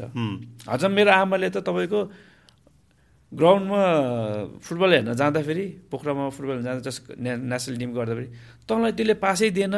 तैँले त्यो गोल हान्नुपर्ने। होइन त्यस्तो खालको के त्यो घरमा गएपछि त्यो डिस्कसन के हुन्छ नि। है? यस्तो हाल्नुपर्ने। अब मलाई चाहिँ आमाले कान्छ कान्छ भन्दै अब मेरो चाहिँ हेरिङ राम्रो। त्यसले त्यो राम्रो अहिले बल फाल्दा तैँले हेरिङले हान्थिस् नि। त्यस्तो टाइपको क्या नि? आमाको एउटा त्यो कुराले नि त्यो कुराले नि मलाई एकदमै फरक पार्छ दाइ। किनभने आमाले नि जानी नजानी त फुटबल हेर्न गइसकेपछि थाहा हुँदो रहेछ कि? होइन एउटा नलेज हुन्छ अब कति कुराहरू चाहिँ अब हजुरहरू पत्रकार हो भन्दैमा तपाईँहरूले कति त्यो ग्राउन्डमा गइसकेपछि यो बल यस्तो गऱ्यो भने सबै कुरो थाहा हुन्छ। सेम लाइक हाम्रो आमाले पनि त्यस्तो खालको कुरा गर्नुहुन्छ क्या त्यो भनेपछि त उहाँहरूलाई पनि गेममा इन्भल्भमेन्ट भयो Involvement, उहाँहरूको होइन. अब आमा हजुरआमासँग तपाईँ एकदम निकट हुनुहुन्छ नि होइन? हजुरआमा त बित्नु आमा हुनुहुन्छ। उहाँसँग चाहिँ तपाईँको एकदम निकट हुनुहुन्छ। अब एकदमै अब आमा भन्ने बित्तिकै शब्दै अब एकदमै त्यहाँभन्दा अरू त केही शब्दै छैन दाइ होइन? एकदमै माया गर्छु। अब अँ, बजारमा भनेको फेरि हामी इन्डियामा हुँदा बाबा आमा इन्डियामा हुँदाखेरि चाहिँ म हामीलाई चाहिँ गाउँमा चाहिँ आमाले चाहिँ मैले त आमा आमै भन्थ्यो। बजामा होइन कि आमा त मेरो आमा हो भन्ने त्यस्तो। किन बच्चामा हाम्रो हुर्काएको भएर हामीले त्यही भन्थ्यो होइन? मेरो फ्यामिलीसँग एकदमै राम्रो उस छ। म फ्यामिलीलाई एकदम माया गर्छु। म एकदम माया गर्ने मान्छे हो दाइ होइन? अनि त्यस्तो उस चाहिँ हुँदैन। खुसी छन् मेरो परिवार। तपाईँलाई पनि त एकदम निशर्त हुन्छ नि। तपाईँले जे जे गर्नुभएको छ त्यो सबै कुरा उहाँहरूको एकदम सपोर्ट छ नि त एकदम होइन। केही भन्नुहुन्न। राम्रो काम गर्दै जाऊ होइन? नराम्रो काम नगर। तिमीहरू अब कहिले कहिले नराम्रो काम गर्न नि तिर नि बाटोतिर नि लाग्ला होला भन्ने खालको कुरा त हुन्छ तर आफ्नो के हो त्यो अगाडि चाहिँ एम लिएर हिँड राम्रो गर भन्छ। हाम्रो त के सुझाव भन्ने त्यही हो भन्ने हुन्छ कि। त्यो कुरा चाहिँ हामीले बुझ्नु पऱ्यो हामी कुन ठाउँमा छौँ हामी कुन लेभलमा छौँ के गर्दा राम्रो होला के गर्दा नराम्रो होला भने आफूले सोध्ने अब अहिले त तपाईँ बसाइ काठमाडौँ तपाईँको होइन। भोलि फेरि फर्केर चाहिँ पोखरा नै गएर केही गर्छु भन्ने प्लान। अब एकचोटि त तपाईँ रेस्टुरेन्टमा पनि रेस्टुरेन्ट व्यवसायमा पनि तपाईँले चाहिँ लगानी गर्नुभएको थियो। सायद त्यो बन्द भयो कि? बन्द भइसक्यो दाइ अब त्यो त्यो चाहिँ यस्तो थियो। अब मेरो भन्दा पनि अब अलिकति मैले चाहिँ दाईको लागि चाहिँ लगानी गरिदिएको हजुर। मेरो दाई चाहिँ हुनुहुन्थ्यो माइला दाई। अनि अनि त्यो गर्दाखेरि चाहिँ हामीले चाहिँ त्यसरी चाहिँ अब मेरो नाम जोडिँदा फेरि अलिकति रेस्टुरेन्टलाई केही फाइदा हुन्छ कि भनेर हामीले चाहिँ त्यो तरिकाले गर्यो। तर फ्यामिली बिजनेस हो त्यो। अरू साथीभाइहरू पनि थियो। हजुर हजुर। छोड्नु भयो अहिले त्यो चाहिँ। हजुर छोड्यो। अब यो भूकम्पपछि चाहिँ अलिकति गाह्रो भयो। त्यसपछि केही वर्ष त राम्रै चल्नु एकदम। पहिलाको त्यो पहिलाको फेस चाहिँ तपाईँ एकदम राम्रो हजुर। अब फेरि पोखरा फर्केर केही व्यवसायमा इन्भल्भ हुने भन्ने या पोखरा फर्किने भन्ने योजना केही छ कि छैन तपाईँको अहिले? व्यवसाय त यस्तो छ अब खासै भन्दाखेरि मलाई फुटबल बाइक चाहिँ मलाई अरू केही पनि आउँदैन। सोच्दा पनि सोच्नु सोच्दैन मैले हनेस्टली भनेकै दाइ मलाई किनभने मलाई कुनै मान्छेले लगानी गरेर तिमीलाई एक करोड दिन्छु तिमीले त्यहाँ लगानी गर भने नि मैले सक्दिनँ दाइ। है। तर त्यही कुरामा चाहिँ तिमीले फुटबलको लागि यो गर भन्यो भने म ज्यान दिएर गर्न सक्छु दाइ। जहाँ चाहिँ तपाईँको एउटा चाहिँ लगाव छ। तर म अरू कुरा गर्न सक्दिनँ दाइ। किनकि म आफूलाई आफूलाई खुसी पनि हुनु पऱ्यो नि त। तर साथीभाइहरूले कतिजनाले चाहिँ मलाई यसरी मिलेर काम गरौँ गर्नु तर मन नलाइ नलाइ चाहिँ गर्नुपर्ने टाइपको हुन्छ क्या त्यही भएर मैले मन खुसी छैन भने किन गर्ने भन्ने कुरा भयो क्या? फुटबलमा भयो भने चाहिँ तपाईँ खुसी भइहाल्नुहुन्छ। फुटबलमा त तपाईँले जे गर भने गरिदिन्छ। त्यो चाहिँ हाम्रो त्यो आफै आउने कुरा रहेछ क्या त्यो कुरा? अब जस्तो तपाईँ फर्केर चाहिँ स्याङ्जा चाहिँ जानुभएको छैन? होइन म टाइम टाइममा जान्छु त है। गाउँ जानुहुन्छ? गाउँ जान्छु। गाउँमा गएपछि फेरि अर्को खालको त्यहाँ चाहिँ इन्भाइरोमेन्ट हुन्छ। तपाईँको अब टोलले गाउँले तपाईँको मलाई चाहिँ बाजा गाजा गरेर फुलमाला गर्ने अनि आमा पार्टीहरू घरमा आएर नाच्ने। अहिले के गाउँ कुन गाउँपालिका कि नगरपालिका तपाईँहरूको? गाउँपालिका। कुन गाउँपालिका? तरौ गाउँपालिका। ए ए जानुहुन्छ भनेपछि। ए त्यहाँ जाँदाखेरि चाहिँ एउटा बचपन त याद आउँछ होला नि त। त्यहाँ एकदमै राम्रो छ जान्छु जा जानुपर्छ। गाउँ जस्तो भनेको जति नै जे भयो भने कहिले पनि बिर्सिन सकिँदैन होइन? अब टाइमले समयले पायो भने चाहिँ जान्छु जानुहुन्छ होइन? अब तपाईँसँग जस्तो नयाँ पुस्तालाई तपाईँले भन्नु पऱ्यो भने चाहिँ अनिल गुरुङ हुन त सजिलो त छैन नि त। आज आज हेर्दाखेरि अनिल गुरुङ एउटा सफल खेलाडी भयो पचास म्याच नेसनल टिमबाट खेल्यो नेसनल टिमलाई रिप्रेजेन्ट गरेर नेसनल टिमबाट क्याप्टेनसिप गरेर रिटायरमेन्ट लिएको भनेको त सबै राम्रै राम्रो कुरा देखिन्छ नि तर अनिल गुरुङ बन्न त सजिलो छैन। कसैलाई त लाग्न सक्छ कि सामान्यतया अनिल गुरुङ बन्न सजिलो छ भने त्यति सजिलो त छैन। अनिल गुरुङ बन्ने हो तपाईँको यदि कसैको इच्छा छ या एउटा सफल खेलाडी बन्ने हो भने के त उसको लागि टिप्स के हुनुहुन्छ तपाईँको तर्फबाट? अब मेन कुरा आफूमा विश्वास हुनु पऱ्यो आफूले के काम गर्दैछु के गर्दैछु भन्ने कुरो आफूमा आफ्नो सेल्फ चाहिँ विश्वासमा उस हुनु पऱ्यो अनि तपाईँको हुन त हो तपाईँको कुनै म चाहिँ फुटबल प्लेयर बन्छु भनेर म हिँडेको छु होइन। तर म म फुटबल खेलिसकेपछि मैले त्यसमा चाहिँ के के कुराहरू निभाउनु पर्छ भन्ने कुरा चाहिँ आफूले विचार गर्नुपर्ने कुरा के? एउटा डिसिप्लिन हो दाइ। हार्ड वर्किङ भइहाल्यो। होइन सेल्फ सेल्फ बिलिभ भइहाल्यो। अनि त्यो कुराले गर्दाखेरि चाहिँ मलाई मोटिभेट हुन्छ क्या आफूले आफूलाई चाहिँ चिन्न सक्नु पऱ्यो कि? म कहाँसम्म जान सक्छु? मैले कहाँसम्म जानलाई म रेडी छु? भन्ने कुरा चाहिँ आफूले चाहिँ विचार गर्नुपर्छ जस्तो लाग्छ मलाई। होइन किनभने अब कुनै पनि क्षेत्रमा एज अ तपाईँको फुटबल प्लेयर मात्रै होइन ओभरअल स्पोर्ट्स कुनै पनि बिजनेस गर्दा भयो त्यो कुराहरू चाहिँ याद गर्नुपर्छ जस्तो लाग्छ कि। अनि र त्यो कुरालाई चाहिँ पार गर्नको लागि के भने हार्ड वर्किङ चाहिँ निरन्तर हुनु पऱ्यो किनकि अब बिचमा गएर मैले सक्दिनँ भनेर त्यो गर्छ हुँदैन। काम गर्दै जाँदा त कति कुराहरू चाहिँ ठक्कर आउँछ फेरि त्यसलाई फाइट गर्ने हो फेरि अगाडि बढ्ने फाइट गर्ने अगाडि बढ्ने गर्दै गर्छ एक दिन त अवश्य किन नपुगेला दाइ होइन त्यो खालको चाहिँ मलाई चाहिँ त्यो फिल चाहिँ हुन्छ। त्यो कुरा चाहिँ छोड्नु हुँदैन। त्यो कुराहरूले चाहिँ अब अहिले आगामी दिनमा जुन पनि बच्चाहरू आउँछ जुन पनि अब यङ जेनेरेसन जेनेरेसनहरूको टिम छ उनीहरूले चाहिँ अब अलिकति सिरियस भएर आफूले के काम गर्दैछ त्यसमा चाहिँ फोकस हुनु पऱ्यो जस्तो लाग्छ। अहिले फेरि हाम्रो कस्तो भयो भने फुटबल खेलिरहेछ अनि एउटा दिमाग चाहिँ के भने बाहिर पनि सोचिरहेछन् के? त्यसले गर्दा के भने दुइटा दुइटालाई चाहिँ सँगै लान सकिँदैन के? जे गर्दै हुनुहुन्छ त्यसमा चाहिँ फोकस हुनु फोकस हुनु पऱ्यो कि म यति पढ्छु म यति खेल्छु म गइहाल्छु भन्नु पऱ्यो खेल्दै पनि छ तपाईँको बाहिर पनि सोचेर गर्दै भने दुइटा माइन्डले गऱ्यो भने ऊ सक्सेस हुनलाई गाह्रो हुन्छ कि? हो हो बाहिर जाला अरे तर गयो पनि आफ्नो स्किललाई मारेर जाने हो नि त उहाँ त। हामीले जति नेपालमा जस्तो प्रोफेसनल फुटबल खेल्छौँ हामी अर्कै ठाउँमा गर्दा त्यति चाहिँ खेल्न सकिँदैन नि त। त्यसले गर्दाखेरि चाहिँ लाइफमा अलिकति इफेक्ट चाहिँ पार्छ है। तपाईँलाई चाहिँ कहिले त्यो लागेन कि म पनि विदेश जाउँ अब उतै सेटल हौँ भन्ने चाहिँ कहिले आएन? दाइ कहिले आएन? कहिले पनि अहिले पनि आउँदैन। अहिले पनि केही आएको छैन। अब टाइम टाइममा गइरहेको हुन्छु होइन अनि बाहिरको पनि देखिरहेको छु। हो पछि अब पछि इन फ्युचरमा के होला त्यो थाहा छैन। तर आजसम्म चाहिँ त्यस्तो आजसम्म चाहिँ म कहिले पनि त्यो हुन्छ नि। म उसै गरिरहेको छैन क्या? दिमागले त्यो आउँदै आउँदैन।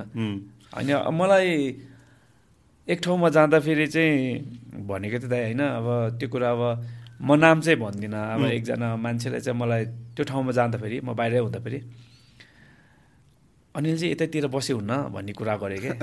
है अनि किन र दाइ भने भनेर होइन यतैतिर राम्रो हुन्छ नि कतिजना आएर बसिरहेको छ यताउता कुरा गरेको अनि त्यो कुरा गर्दाखेरि चाहिँ मलाई दाइ के कुरा गर्नुभएको यस्तो होइन? मबाट त्यस्तो त हुँदैन। होइन म अब हो आउँला घुम्न आफ्नो ठाउँमा छ तर म यसरी बस्ने गरेर त आएको चाहिँ होइन। म के कामले आएको म त्यसमा काम गर्छु म जान्छु भनेर भने कि अनि है अनि पछि मलाई चाहिँ ए जोक गरेको भाइ भने त्यस्तो कुराहरू पनि हुन्थ्यो। अनि जस्तो अब अनिललाई के त सक चाहिँ होला नि त? फुटबल बाहेक पनि त सक त केही चिजमा त होला। म्युजिकमा सक होला। यसो ग्यादरिङमा बस्न मनपर्ने होला? कस्तो के छ? यस्तो छ अब पहिलादेखि नै के भयो भने अब खालि टिममा हिँडेको भएर साथीभाइहरूसँग चाहिँ ग्यादरिङ गर्न चाहिँ मन लाग्छ। होइन एक्लै फेरि काहीँ पनि गर अहिले गएर मैले तपाईँले म गएर अब मलाई भोक लाग्यो म कफी खानु लाग्यो उता गएर गएर एक्लै कफी खान्छु भन्ने हुँदैन क्या दाइ।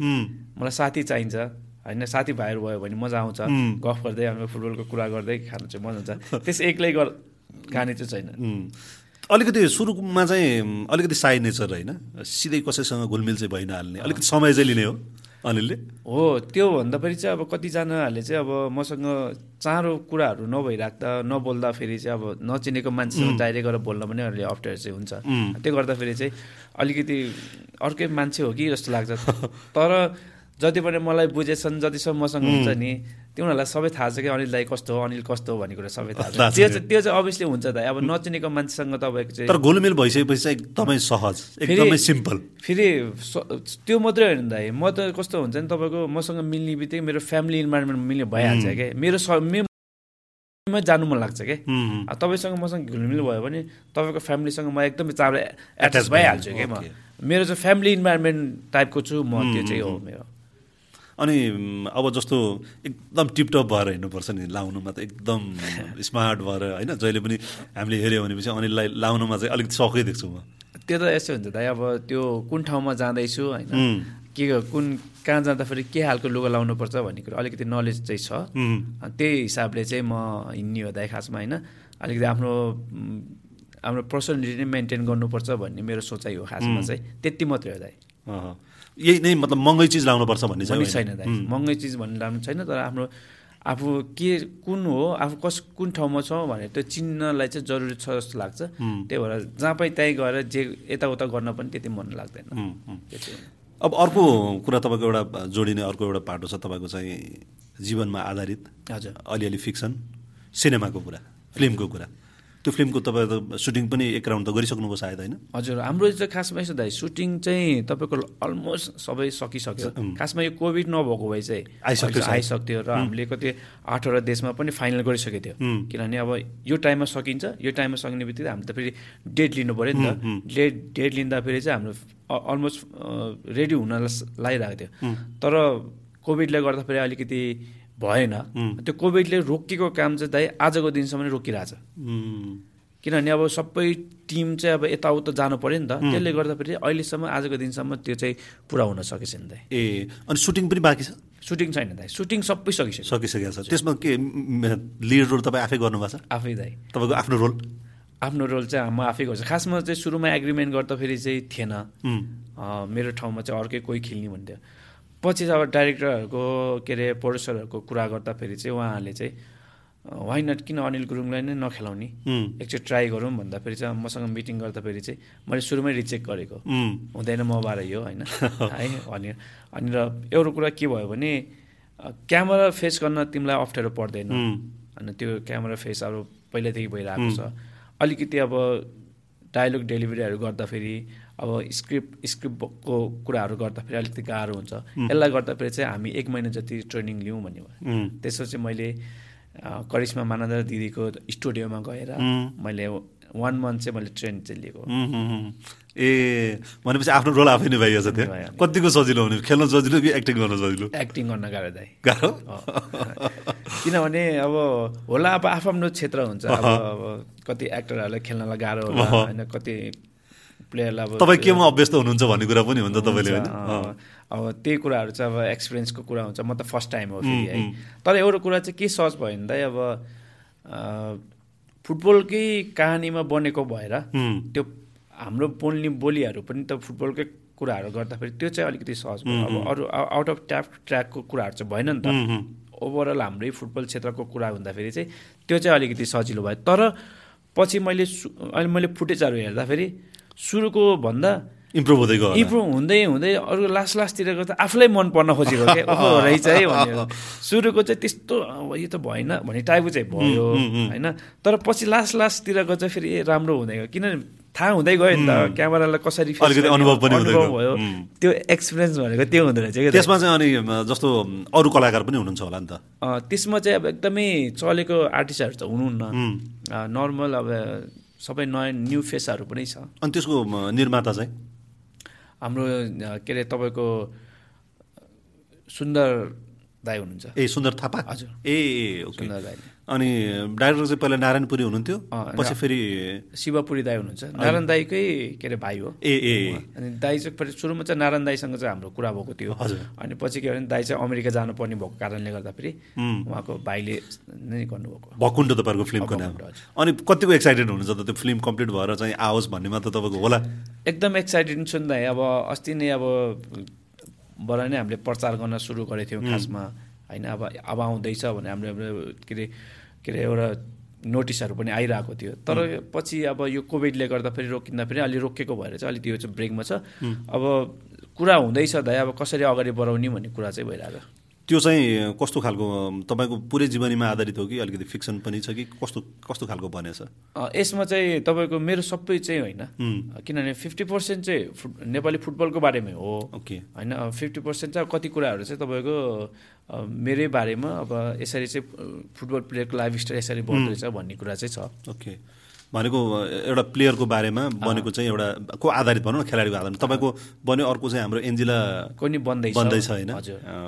अन्जिला भनेर बन्दैछ उहाँहरूको नि सुटिङ सायद सक्यो के अरे त्यो सायद यसले चाहिँ तपाईँहरूको आउने भनौँ न अर्को जेनेरेसनलाई पनि तपाईँहरूको बारेमा थाहा हुने भयो। र अरूलाई पनि अरू हाम्रो त थुप्रै प्लेयरहरू हुनुहुन्छ नि जो चाहिँ एउटा नेपाली स्पोर्ट्सका लागि अरू विधामा पनि उहाँहरूको पनि फिल्म बन्यो भने त त्यो त्यसले त नयाँ पुस्तालाई त राम्रै म्यासेज दिन्छ होला नि। हुनुपर्छ जस्तो लाग्यो मलाई। किनभने मैले चाहिँ एमएस धोनी हेर्थेँ कि। हजुर। है म चाहिँ कुन ठाउँमा कहाँ जापान जाँदा हो कि कहाँ जाँदा मैले उसमा एरोप्लेनमा प्लेनमा मैले चाहिँ हेरेको थिएँ। हेर्दाखेरि त्यो फुल मुभी हेर्दाखेरि चाहिँ मलाई कस्तो मन पऱ्यो क्या दाइ। होइन एउटा फुटबल प्लेयर एउटा क्रिकेट प्लेयर कुनै क्षेत्रको खेलाडीहरूको लाइफ स्टाइलको बारेमा त्यो लेख्न जरुरी रहेछ। है। त्यो भयो भने अभियसली अब ए कति कुराहरू चाहिँ हाम्रो भित्री कुराहरू त थाहा छैन नि त। यतिकै स्टार्ट त भएको होइन त त। एउटा सामान्य परिवारबाट आएको पनि मान्छे स्टार हुन सक्छ। सक्छ भन्ने त त्यहाँ भित्रबाट चाहिँ त्यो खालको त छ नि त। जस्तै अहिले सिम्पल कुरा गर्दा साम्बाको कुरा गर्दा सावित्राको बहिनीको कुरा गर्दा फेरि होइन? कुन ठाउँबाट आएर अहिले कुन लेभलमा खेलिरहेछ? भोलि मान्छे कहाँ पुग्छ भने कसैलाई थाहा थाहा छैन। अहिले त हामी सबैको एउटा प्राइड हो प्राइड हो। होइन बहिनीले जुन राम्रो काम गरेछ जुन हाम्रो देशको लागि एउटा नाम चिनाइरहेको छ। प्राउड गर्ने कुरा हो दाइ। त्यो पछिल्लो उनीहरूको ब्याकग्राउन्ड के थियो कस्तो थियो भन्ने कुरोमै जाने होइन। होइन हामी मेहनत गर्दै गयो भने राम्रो काम गर्दै गयो भने तर त्यसले एउटा प्रेरित त गर्छ नि तपाईँको होइन? तपाईँ कुन ब्याकग्राउन्डबाट आउनुहुन्छ होइन? तपाईँसँग के खुबी छ? छ भन्ने कुरा त त्यहाँ बढी महत्त्वपूर्ण त्यो हुने तपाईँलाई पनि हेऱ्यो भने हामी त एउटा सामान्य परिवारबाट आउनु भएको एकदम दाइ म कुनै कुनै म एकदमै हाई प्रोफाइलको उस फ्यामिली पनि होइन। एउटा सामान्य। सामान्य हो होइन? किनभने मैले जति पनि स्पोर्ट्स क्षेत्रमा युरोपहरू पनि देख्छु नि कोही पनि एकदमै माथिल्लो लेभलको प्लेयर छैन जस्तो लाग्छ कि अनि एउटा सबैको एउटा हाम्रो सबैको Struggle एउटा। एउटा छँदैछ हुँ। झन् हाम्रो ठाउँबाट त झन् बढी स्ट्रगल नै गर्नुपर्छ। तपाईँको सिनियर प्लेयर हेर्नुहोस् अरू विधाको खेलाडी हेर्नुहोस् जो कोही पनि एउटा स्ट्रगल एउटा फेज पार गरेरै आएको देखिन्छ नि। त्यसै त कोही पनि सफल हुँदैन नि त होइन। हुँदैन दाइ। थियो तपाईँले होइन? हजुर। त्यो एन एनसेलको सायद। Ncell player of the year. Player of the year पाउनु भएको थियो। अब अहिले तर पछिल्लो समय आइसकेपछि फेरि यो प्लेयरहरूलाई त्यो सम्मान गर्ने एउटा ट्रेन थियो नि त एन्खाले गर्ने ट्रेन थियो मोटरसाइकलले कहिले गाडीले कहिले अपार्टमेन्टले त्यो चाहिँ चिजहरू चाहिँ अहिले रोकिएको छ। कि त्यसमा चाहिँ तपाईँहरूलाई के कस्तो लाग्छ त्यो? एउटा प्लेयरले पाइराखेको चिजहरू रोकिँदाखेरि चाहिँ आफूमाथि अन्याय भयो कि? भन्ने पनि त हुन्छ होला नि त कतिपय प्लेयरहरूलाई त। दाइ अब यसमा चाहिँ यस्तो छ कि अब जुन बेलामा अब त्यो चाहिँ अब गणेश सरको पालोमा हो नि त। गणेश सरको पालोमा चाहिँ कति कुराहरू चाहिँ अब प्लेयरहरूलाई। मोटिभेट गर्नको लागि चाहिँ तिमीले यो टुर्नामेन्ट जित्यो भने यो गेम जित्यो भने हामी चाहिँ अपार्टमेन्ट दिन्थ्यो यति पैसा दिन्थ्यो। त्यो त तपाईँको टु थाउजन्ड थर्टिनमा त अनाउन्समेन्ट नै भएको थियो अनाउन्समेन्ट नै भयो अपार्टमेन्ट दिने त्यो। पनि भयो। थियो तर अनि टु थाउजन्ड इलेभेनमा तपाईँको दिल्लीमा साप। त्यतिखेर नि भन्नुभएको थियो। किनभने त्यतिखेर हामी दुईचोटि नै सेमी फाइनलमा हार्यो त्यो कुराहरूले पनि अब हामीलाई चाहिँ अब अलिकति मोटिभेट हुन्थ्यो। होइन हो जित्नै पर्छ खेल्नै पर्छ भन्ने हुन्थ्यो। जहिले पनि अब देशको लागि चाहिँ हामी जे मेडलको लागि फाइट गर्ने हो होइन उसो। अनि नेपालमा तपाईँको अब गाडी एउटा प्लेयरले गाडी चढ्ने भनेको सिटिमिति एकदमै कम उसो हो कि। तर जुन गणेश सरको पालोमा जुन तरिकाले चाहिँ हामीले एन्सेल प्लेयर त एउटा एन्सेलसम्म ट्राई गरेर हुँ। दुई वर्ष चाहिँ म एउटा फेरि यस्तो लक्की पनि भइँदा दुई दुई वर्ष एन एनसेल हुँदाखेरि एनएसएल कप हुँदाखेरि दुई वर्ष नै मैले जितेँ कि हुँ। टुर्नामेन्ट फर्स्ट भयो हुँ। अनि त्यसमा पनि हाई स्कोर बेस्ट प्लेयर पनि पाएँ हुँ। है एन्सेल प्लेयर अफ द इयरमा चाहिँ तपाईँ एकचोटि हुनुभयो एकचोटि सन्दीप सायद अनि त्यस टुर्नामेन्ट चाहिँ दुई दुईचोटि मनाङ मर्साङले जित्यो जित्यो। होइन अनि त्यसपछि एन्सल प्लेयर अफ द को चाहिँ अब दुई वर्ष चाहिँ त्यो कार्यक्रममा जुन तपाईँको गाडी दियो नि हजुर। त्यो चाहिँ कस्तो भयो भने एउटा नेसनल प्लेयरले हरेक वर्ष एक घन्टा गाडी चाहिँ चढ्थ्यो नि त। त्यो इन्भाइरोमेन्ट चाहिँ अब गणेश सरको पालोमा भएको थियो। अहिले त त्यो रोक्यो। त्यो रोक्यो। किनभने फर्स्ट सिजन सन्दीप राईले पायो र सेकेन्ड सिजन चाहिँ मैले पाएँ। तर एज अ एउटा नेसनल प्लेयरले चाहिँ बिसजनाले त स्टेप बाई स्टेप एक एकजनाले त हरेक वर्ष त गाडी त पाएको थियो नि त त्यो कुराहरू रोक्यो अहिले। होइन जस्तो एनसेल कप गोर्खा कपहरू जस्तो टुर्नामेन्टहरू नकआउट टुर्नामेन्टहरू भएन काठमाडौँमा। हुनुपर्ने थियो। है जहिले पनि हुन्थ्यो त्यो नकआउट टुर्नामेन्ट। त्यस्तो भएन।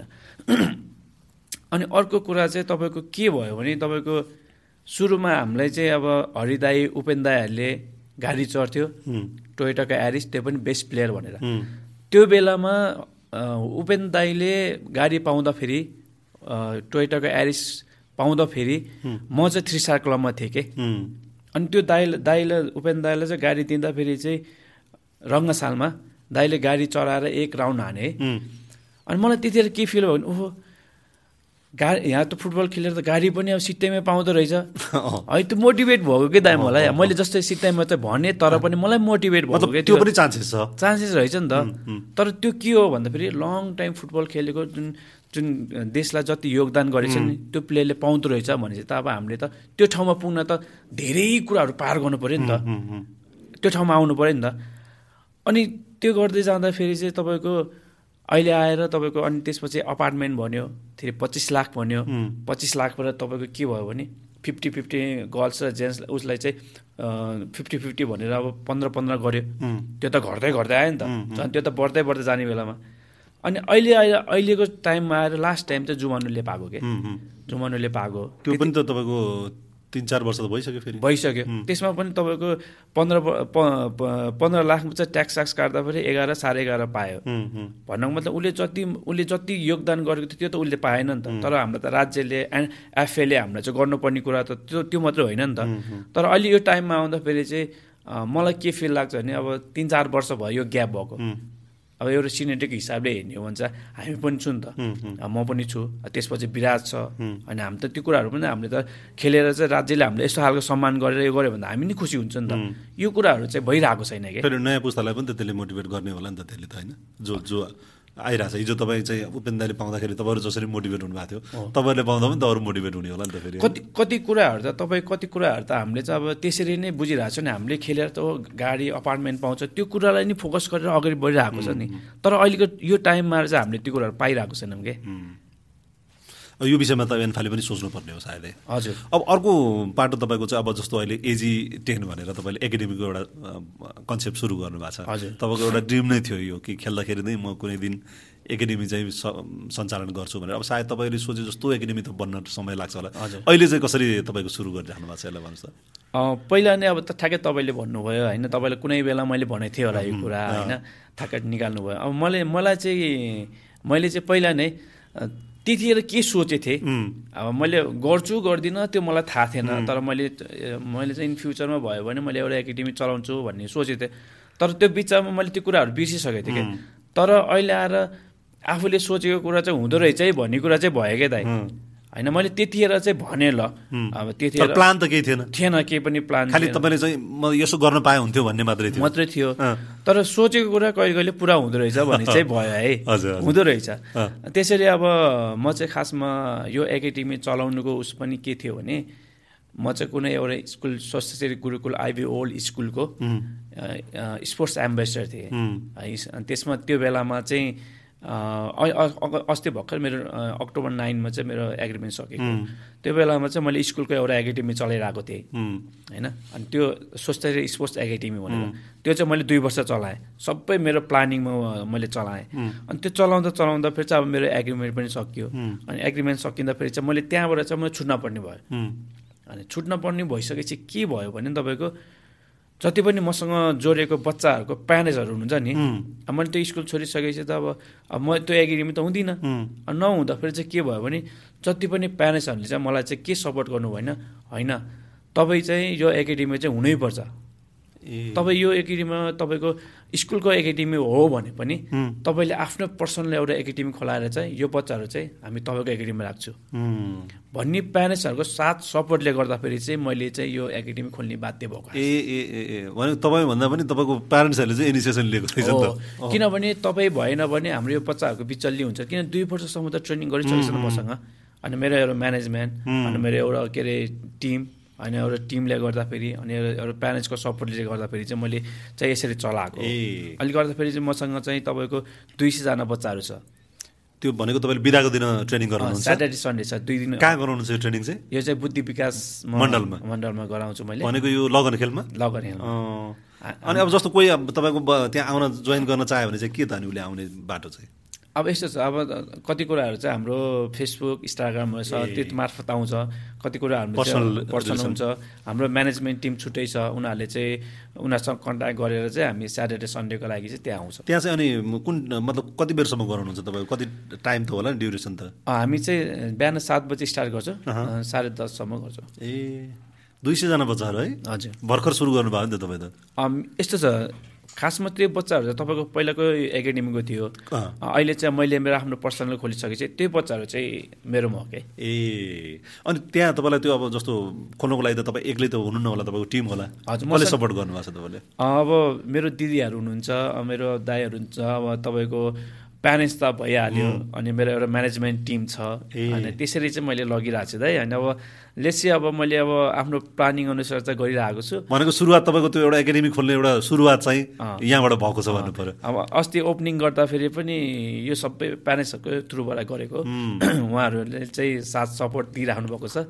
अब उनीहरूको आफ्नो बच्चा नि छ प्लस अनि मेरो मेरो आफ्नो गरेको कामप्रति उनीहरूले चाहिँ मलाई रेस्पेक्ट गरेर चाहिँ सपोर्ट गर्नुभएको छ कि अब तपाईँसँग धेरै पछि अलिकति कुरा गर्ने लामो समय कुरा गर्न पाइयो अब हामी इन्टरभ्यू त अरू बेला पनि गरियो तर यसरी बसेर एकदम लामो कुरा हुन्छ नि तपाईँको धेरै कुरा पनि गरियो। हजुर। टाइम गएको थाहा पनि भएन। थाहा नि अब यो फुटबलको कुरा गर्दाखेरि चाहिँ जति कुरा गरे पनि नसकिने रहेछ होइन? अब यो हाम्रो प्रोग्राम त सर्टेन उसको मात्रै हुन्छ। तर एज अ कुरा गर्दाखेरि नि मलाई यस्तो फिल भयो कि अब कति कुराहरू चाहिँ आइरहेको थिएन नि त। आजको यो उसमा पनि आइरहेको छ। अनि जान्न बुझ्न अनि खोज्न पनि राम्रो कुरा हो।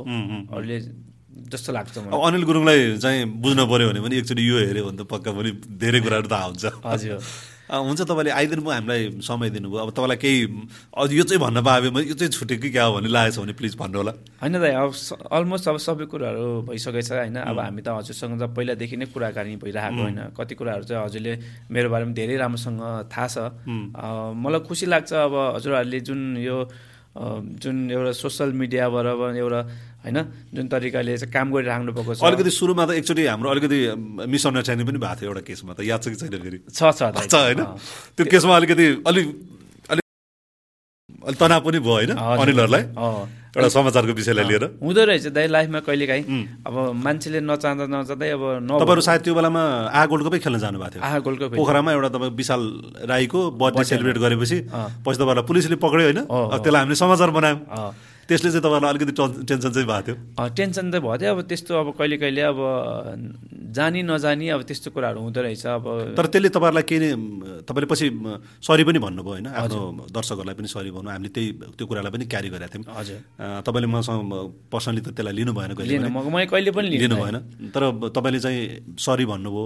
हामीले त्यो कुरालाई पनि दर्शक माझ पुग्यौँ। कहिले काहीँ गल्ती त हुन्छ भन्नुभयो।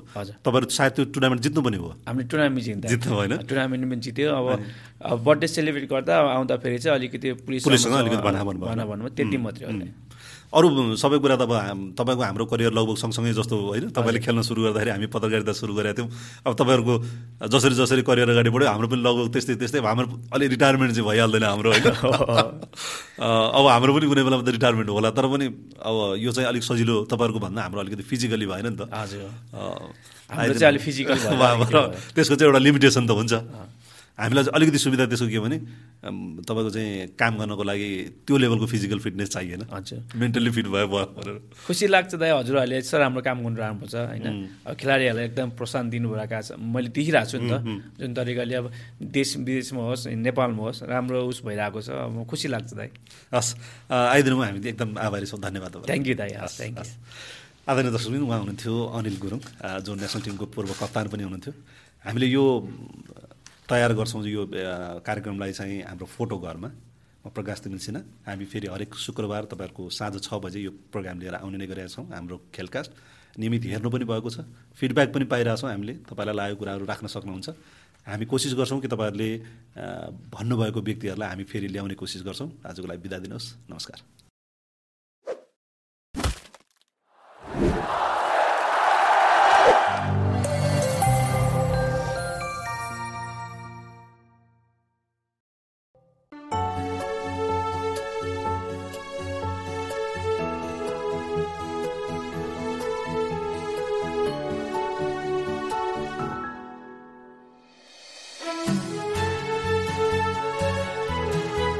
तपाईँहरूको सपना साँच्चै पुरा भयो।